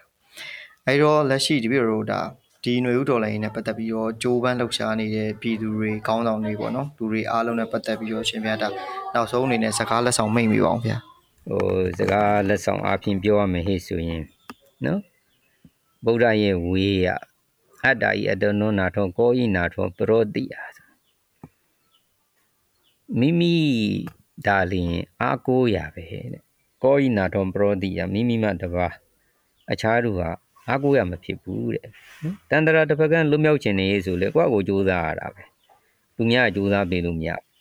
နော်တခြားဟိုဗုဒ္ဓဟေဆိုတာလဲသူ့ကိုယ်သူတတ္ထာဒေဝလို့ပြောတာပဲဆရာလို့သူပြောတာပဲ လမ်းမှန်ကိုညွှန်ပြပေးတာလမ်းမှန်ကိုညွှန်ပြပေးတဲ့လူရှိပေမဲ့လမ်းမှန်ကိုရှောက်မှလွတ်မြောက်တာပဲမရှောက်ရင်မလွတ်မြောက်ဘူးလွတ်မြောက်အောင်ကြတော့ကိုယ်တိုင်ရှောက်ရတာပဲဒါငယ်ငယ်တုန်းကဘာလို့လမ်းလျှောက်တက်လာလဲဟေ့ဆိုရင်အမေတွေကရက်နိုင်ပြီရက်နိုင်ပြီတင်တော့ကိုကိုယ်တိုင်ရရက်ကြည့်လို့ရက်လာနိုင်တာနော်လဲကြတယ်ပြန်ထတယ်ရက်နိုင်ပြီရက်နိုင်ပြီဘယ်သူမွေးလာတဲ့ကိုကဘယ်သူမှလမ်းမလျှောက်တတ်ဘူးလေးဘက်တောက်သွားတာပဲနော်အတူတူပဲဦးဇင်းတို့ကတလိษံလိုမျိုးလေးဘက်တောက်သွားတဲ့တရားမျိုးပဲ အေးအဲ့လိုလေးဘက်တောက်သွားတဲ့ဟာကိုတော့ငါတို့ကမကြိုက်ဘူးမတ်မတ်သွားမယ်ဟေးဆိုပြီးတော့မတ်မတ်တင်ထားခဲ့ကြတဲ့အတွက်ကြောင့်ဒါမတ်မတ်လျှောက်လာနိုင်တာပဲပြောချင်တာအဲ့ဒီမတ်မတ်လျှောက်ကနေပြီးတော့ဒါယနေ့ဖောက်ထွက်လာတဲ့အတွက်ကြောင့်ဒါအလုံးမြင်ရတဲ့အတိုင်းပဲလူပဲနော်လူဟာဘာလုပ်တာလဲကိုယ်ပိုင်စဉ်းစားနိုင်နေတွေးခေါ်နိုင်နေဒါမှားတယ်ဒါမှန်တယ်အမှားကိုစွန့်လွတ်နိုင်တယ်ဒါလူလူရဲ့စွမ်းရည်တက်တည်တွေပဲအဲ့ဒီဟာတွေကိုမိမိတို့ကရအောင်ယူရမယ်နော်အဲ့တော့ပြောချင်တာကိုယ်နိုင်ငံကြီးရဲ့အရေးဟာလည်းပဲ ကိုယ်တိုင်စူးစမ်းအားထုတ်ရမယ်ကမ္ဘာပေါ်မှာလည်းတွေ့ကြည့်တောင်ကိုရီးယားဘာလို့လဲသူ့နိုင်ငံရေးသူတို့ကိုယ်တိုင်စူးစမ်းကြတယ်အားထုတ်ကြတယ်နော်အသက်ဆုံးကြတယ်ဘဝဆုံးကြတယ်ငါတို့ကိုရီးယားနိုင်ငံကြီးကိုငါတို့ကိုယ်တိုင်ငါတို့လိုချင်တာဖန်တီးပြီးတော့တိဆောက်မယ်ဟေးလို့လှုပ်လိုက်တဲ့အခါမှာတချင်းရတာတောင်ကိုရီးယားရေးဆိုတာဦးဇင်းတို့တဲ့ဆင်းရဲတယ်သူတို့ဆင်းရဲတော့ဦးဇင်းတို့ကတော့ထောက်ပံ့ခဲ့ကြရတာနော်ဟုတ်သူတို့လွတ်မြောက်ခြင်းကိုသူတို့စူးစမ်းတွားနိုင်တဲ့ချိန်မှာယနေ့ဦးဇင်းတို့နိုင်ငံသားတွေတောင်ကိုရီးယားတော့အလုပ်လုပ်ရတဲ့အဆင့်တွေဖြစ်လာတယ် ဒါဘာလို့လဲသူတို့ကနိုင်ငံရေးစနစ်ကောင်းသွားတယ်သူတို့လွတ်မြောက်အောင်စ조사တွားနိုင်နေတဲ့အတွက်ကြောင့်အဲ့လွတ်မြောက်မှုအသီးဝေးသူတို့ခံစားဟိုဘက်မြောက်ကိုရီးယားကြတော့မလွတ်မြောက်အောင်လွတ်မြောက်အောင်မစ조사နိုင်နေမြောက်ကိုရီးယားကြတော့တွက်ကြည့်ယနေ့တည်းဒီအဲ့ဒီနိုင်ငံကလူတွေကတိရစ္ဆာန်လိုနေရတယ်တိရစ္ဆာန်ထက်အောက်တန်းကျပြီးတော့နေရတယ်ကိုမွေးတဲ့တာရမီကိုမပိုင်ဘူးဆရာနာရှင်ကဒီနေ့လာခေါ်သွားရင်ကိုသမီးလေးရစာပြောတော့ဆက်ခံရတယ်တိရစ္ဆာန်လိုပဲပါထုလင်ကိုရှေ့မာရင်ကိုရိုက်တက်ချင်းရိုက်တက်သွားတယ်ချင်းတွေကကြက်လိုပဲနေကြရတာပဲ ဒါကြောင့်မလို့ကမ္ဘာနိုင်ငံတွေအကုန်လုံးအသီးသီးကြည့်ကိုကိုစူးစမ်းပြီးတော့ကိုနိုင်ငံရဲ့အသီးဝင်ကိုအလင်းနဲ့ကိုကိုတိဆောက်ကြတာပဲအမေရိကန်တမိုင်းဖက်ကြီးကြီးဂျပန်တမိုင်းဖက်ကြီးကြီးကိုစူးစမ်းလို့ကိုဖြစ်ကြတာပဲနော်အာနာရှင်အောက်ကမလွတ်မြောက်တဲ့တိုင်းပြည်တွေကြီးမလွတ်မြောက်ခြင်းရဲ့ဆိုးကျိုးတွေခံရတာပဲအခုဒါမိမိတို့ကလွတ်မြောက်အောင်စူးစမ်းနေကြတာဗုဒ္ဓကအဓိပတိတရားထဲမှာပြောထားပြီးသားသန္တာဝရောကိဏနာမကမ္မနာတိစတိသန္တာတဲ့ပြင်းထန်ရင်မအောင်မြင်တဲ့အမှုဆိုတာမရှိဘူးယနေ့ဦးဇင်းတို့တိုင်းပြည်လုံးကနော် ဒီလိုညီညွတ်မှုရဲ့စန္ဒတက်ပြင်းထန်မှုအားဟာဦးဇင်းတို့တိုင်းပြည်မှာတစ်ခါမှမရခဲ့ဘူးနော်ဒါကြောင့်မလို့ဒီလိုအင်မတန်မှပြင်းထန်တဲ့စားခဲ့တဲ့ကိုအောင်ကိုအောင်ရမယ်နိုင်ကိုနိုင်ရမယ်ဆိုတဲ့ယုံကြည်မှုနဲ့စန္ဒတက်ပြင်းပြင်းထန်ထန်နဲ့တိုက်ပွဲဝင်ခဲ့ကြတာဖြစ်တဲ့အတွက်ကြောင့်ဦးဇင်းတို့ဒါ18လကျော်လာတဲ့အထိနော်ခိုင်ခိုင်မာမာနဲ့ခရီးဆက်နေနိုင်တာဖြစ်တယ်ဒါကိုဆက်လက်ပြီးတောင့်ထားပြီးတော့အောင်ကိုအောင်ရမယ်ဟေးဆိုတဲ့စန္ဒတက်ပြင်းထန်ရင်မိမိတို့ကျင်းနေမှုချအောင်မြင်မှာပါပဲအခုလည်းပဲစန္ဒတက်တွေကပို့မှုပို့ပို့ပြီးတော့ ပြင်းထန်လာတယ်လို့ဦးဇင်းတို့ယုံကြည်တယ်ဒီတဲ့ပို့ပြင်းထန်ရမယ်ဘယ်လိုအခက်အခဲမျိုးတွေပဲကြုံသေးကြုံသေးငါတို့နောက်မလှည့်ဘူးငါတို့ကအောင်ကိုအောင်ရမယ်ဟေးဆိုတဲ့မန်နိုင်တစ်ခုတည်းကိုဥတီထားပြီးတော့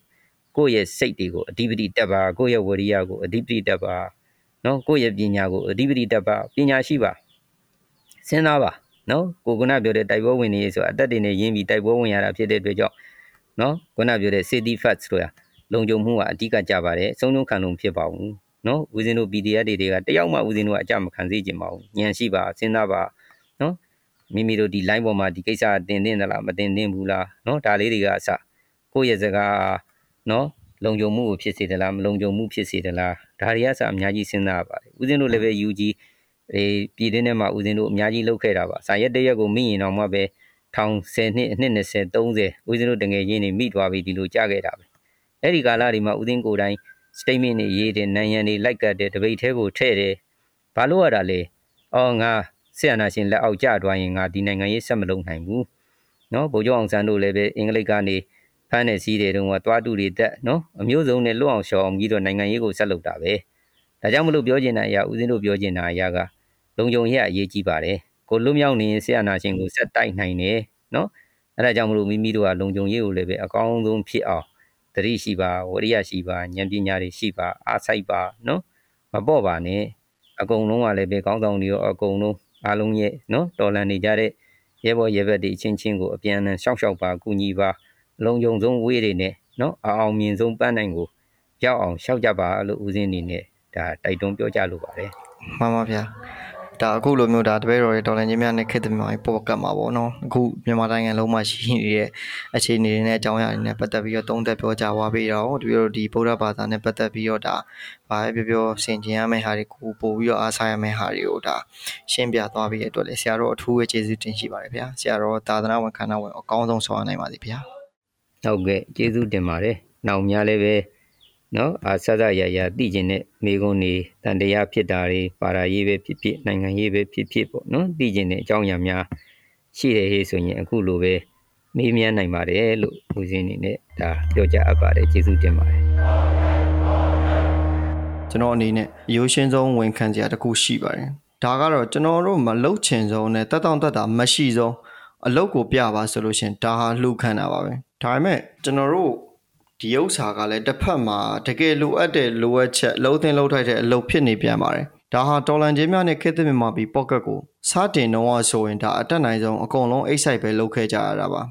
ကျွန်တော်တို့ကိုယ်ပိုင် laptop တွေကိုယ်ပိုင် earphone တွေကိုယ်ပိုင် headphone တွေအစရှိသဖြင့်ဒါအဆင်ပြေတဲ့နေရာကနေအကောင်းဆုံးဒါထုတ်လွှင့်မှုပဲစူးစမ်းခဲ့တာပါ။ဘာကြောင့်လဲဆိုတော့ကျွန်တော်တို့ကိုယ်တိုင်ຫນွေဦးဒေါ်လာကိုအချိန်တိုင်းတာတစ်ခုတွေစိတ်ရောကိုယ်ပါနှစ်ပြီးတော့လှုပ်ခဲ့ကြတဲ့အတွက် အားလုံးခက်ခဲကြက်တဲတယ်ဆိုတော့ကျွန်တော်နားလဲပါတယ်။ဒါပေမဲ့ဘလို့ပဲဖြစ်ဖြစ်ပေါ့ဗျာ။နိုင်ရတောင်းကိုထမ်းနေကြတဲ့သူတွေကိုလေးစားတယ်ပြီးတော့လည်းအားကိုးတယ်။ဒါကြောင့်ကျွန်တော်တို့ရဲ့ pocket ကိုရှေ့ဆက်ဖို့လိုအပ်တဲ့အရာတွေအတွက်ကျွန်တော်တို့ဝိုင်းဝန်းလှူဒန်းကူညီပေးကြဖို့ကျွန်တော်တိုက်တွန်းရခြင်းပဲဖြစ်ပါတယ်ခင်ဗျာ။ကျွန်တော်တို့ကိုအကယ်၍ပေးဖို့လှူဒန်းခြင်းနဲ့ဆိုရင်တော့တော်လန်ချင်းများနဲ့ခေတ်သစ်မြန်မာပြည် Facebook page မှာဆက်သွယ်လှူဒန်းနိုင်ပါတယ်ခင်ဗျာနိုင်ငံခြားလှူငွေတွေအတွက်ကျွန်တော်တို့ Butter Parma page ပေါ့နော် B E T T E R B U R M A ဒီ Butter Parma page နဲ့ကျွန်တော်တို့ Inside မြန်မာ Pocket I N S I G H T M Y A N M A R P O D C A S T ဒီ Inside မြန်မာ Pocket page တွေမှာကျွန်တော်တို့ဆက်သွယ်လှူဒန်းနိုင်ပါတယ်ခင်ဗျာကျွန်တော်တို့အကောင်းဆုံးစူးစမ်းသွားမှာပါမြေပြင်မှာရှိတဲ့သတင်းတွေကိုလည်းပြည်သူတွေအတွက်အကောင်းဆုံးနားထောင်လို့ရအောင်တောက်လျှောက်ကြိုးပမ်းသွားမှာဖြစ်ပါတယ်ခင်ဗျာမြန်မာပြည်အမြန်ဆုံးလွတ်လပ်ပါစေပြည်သူများ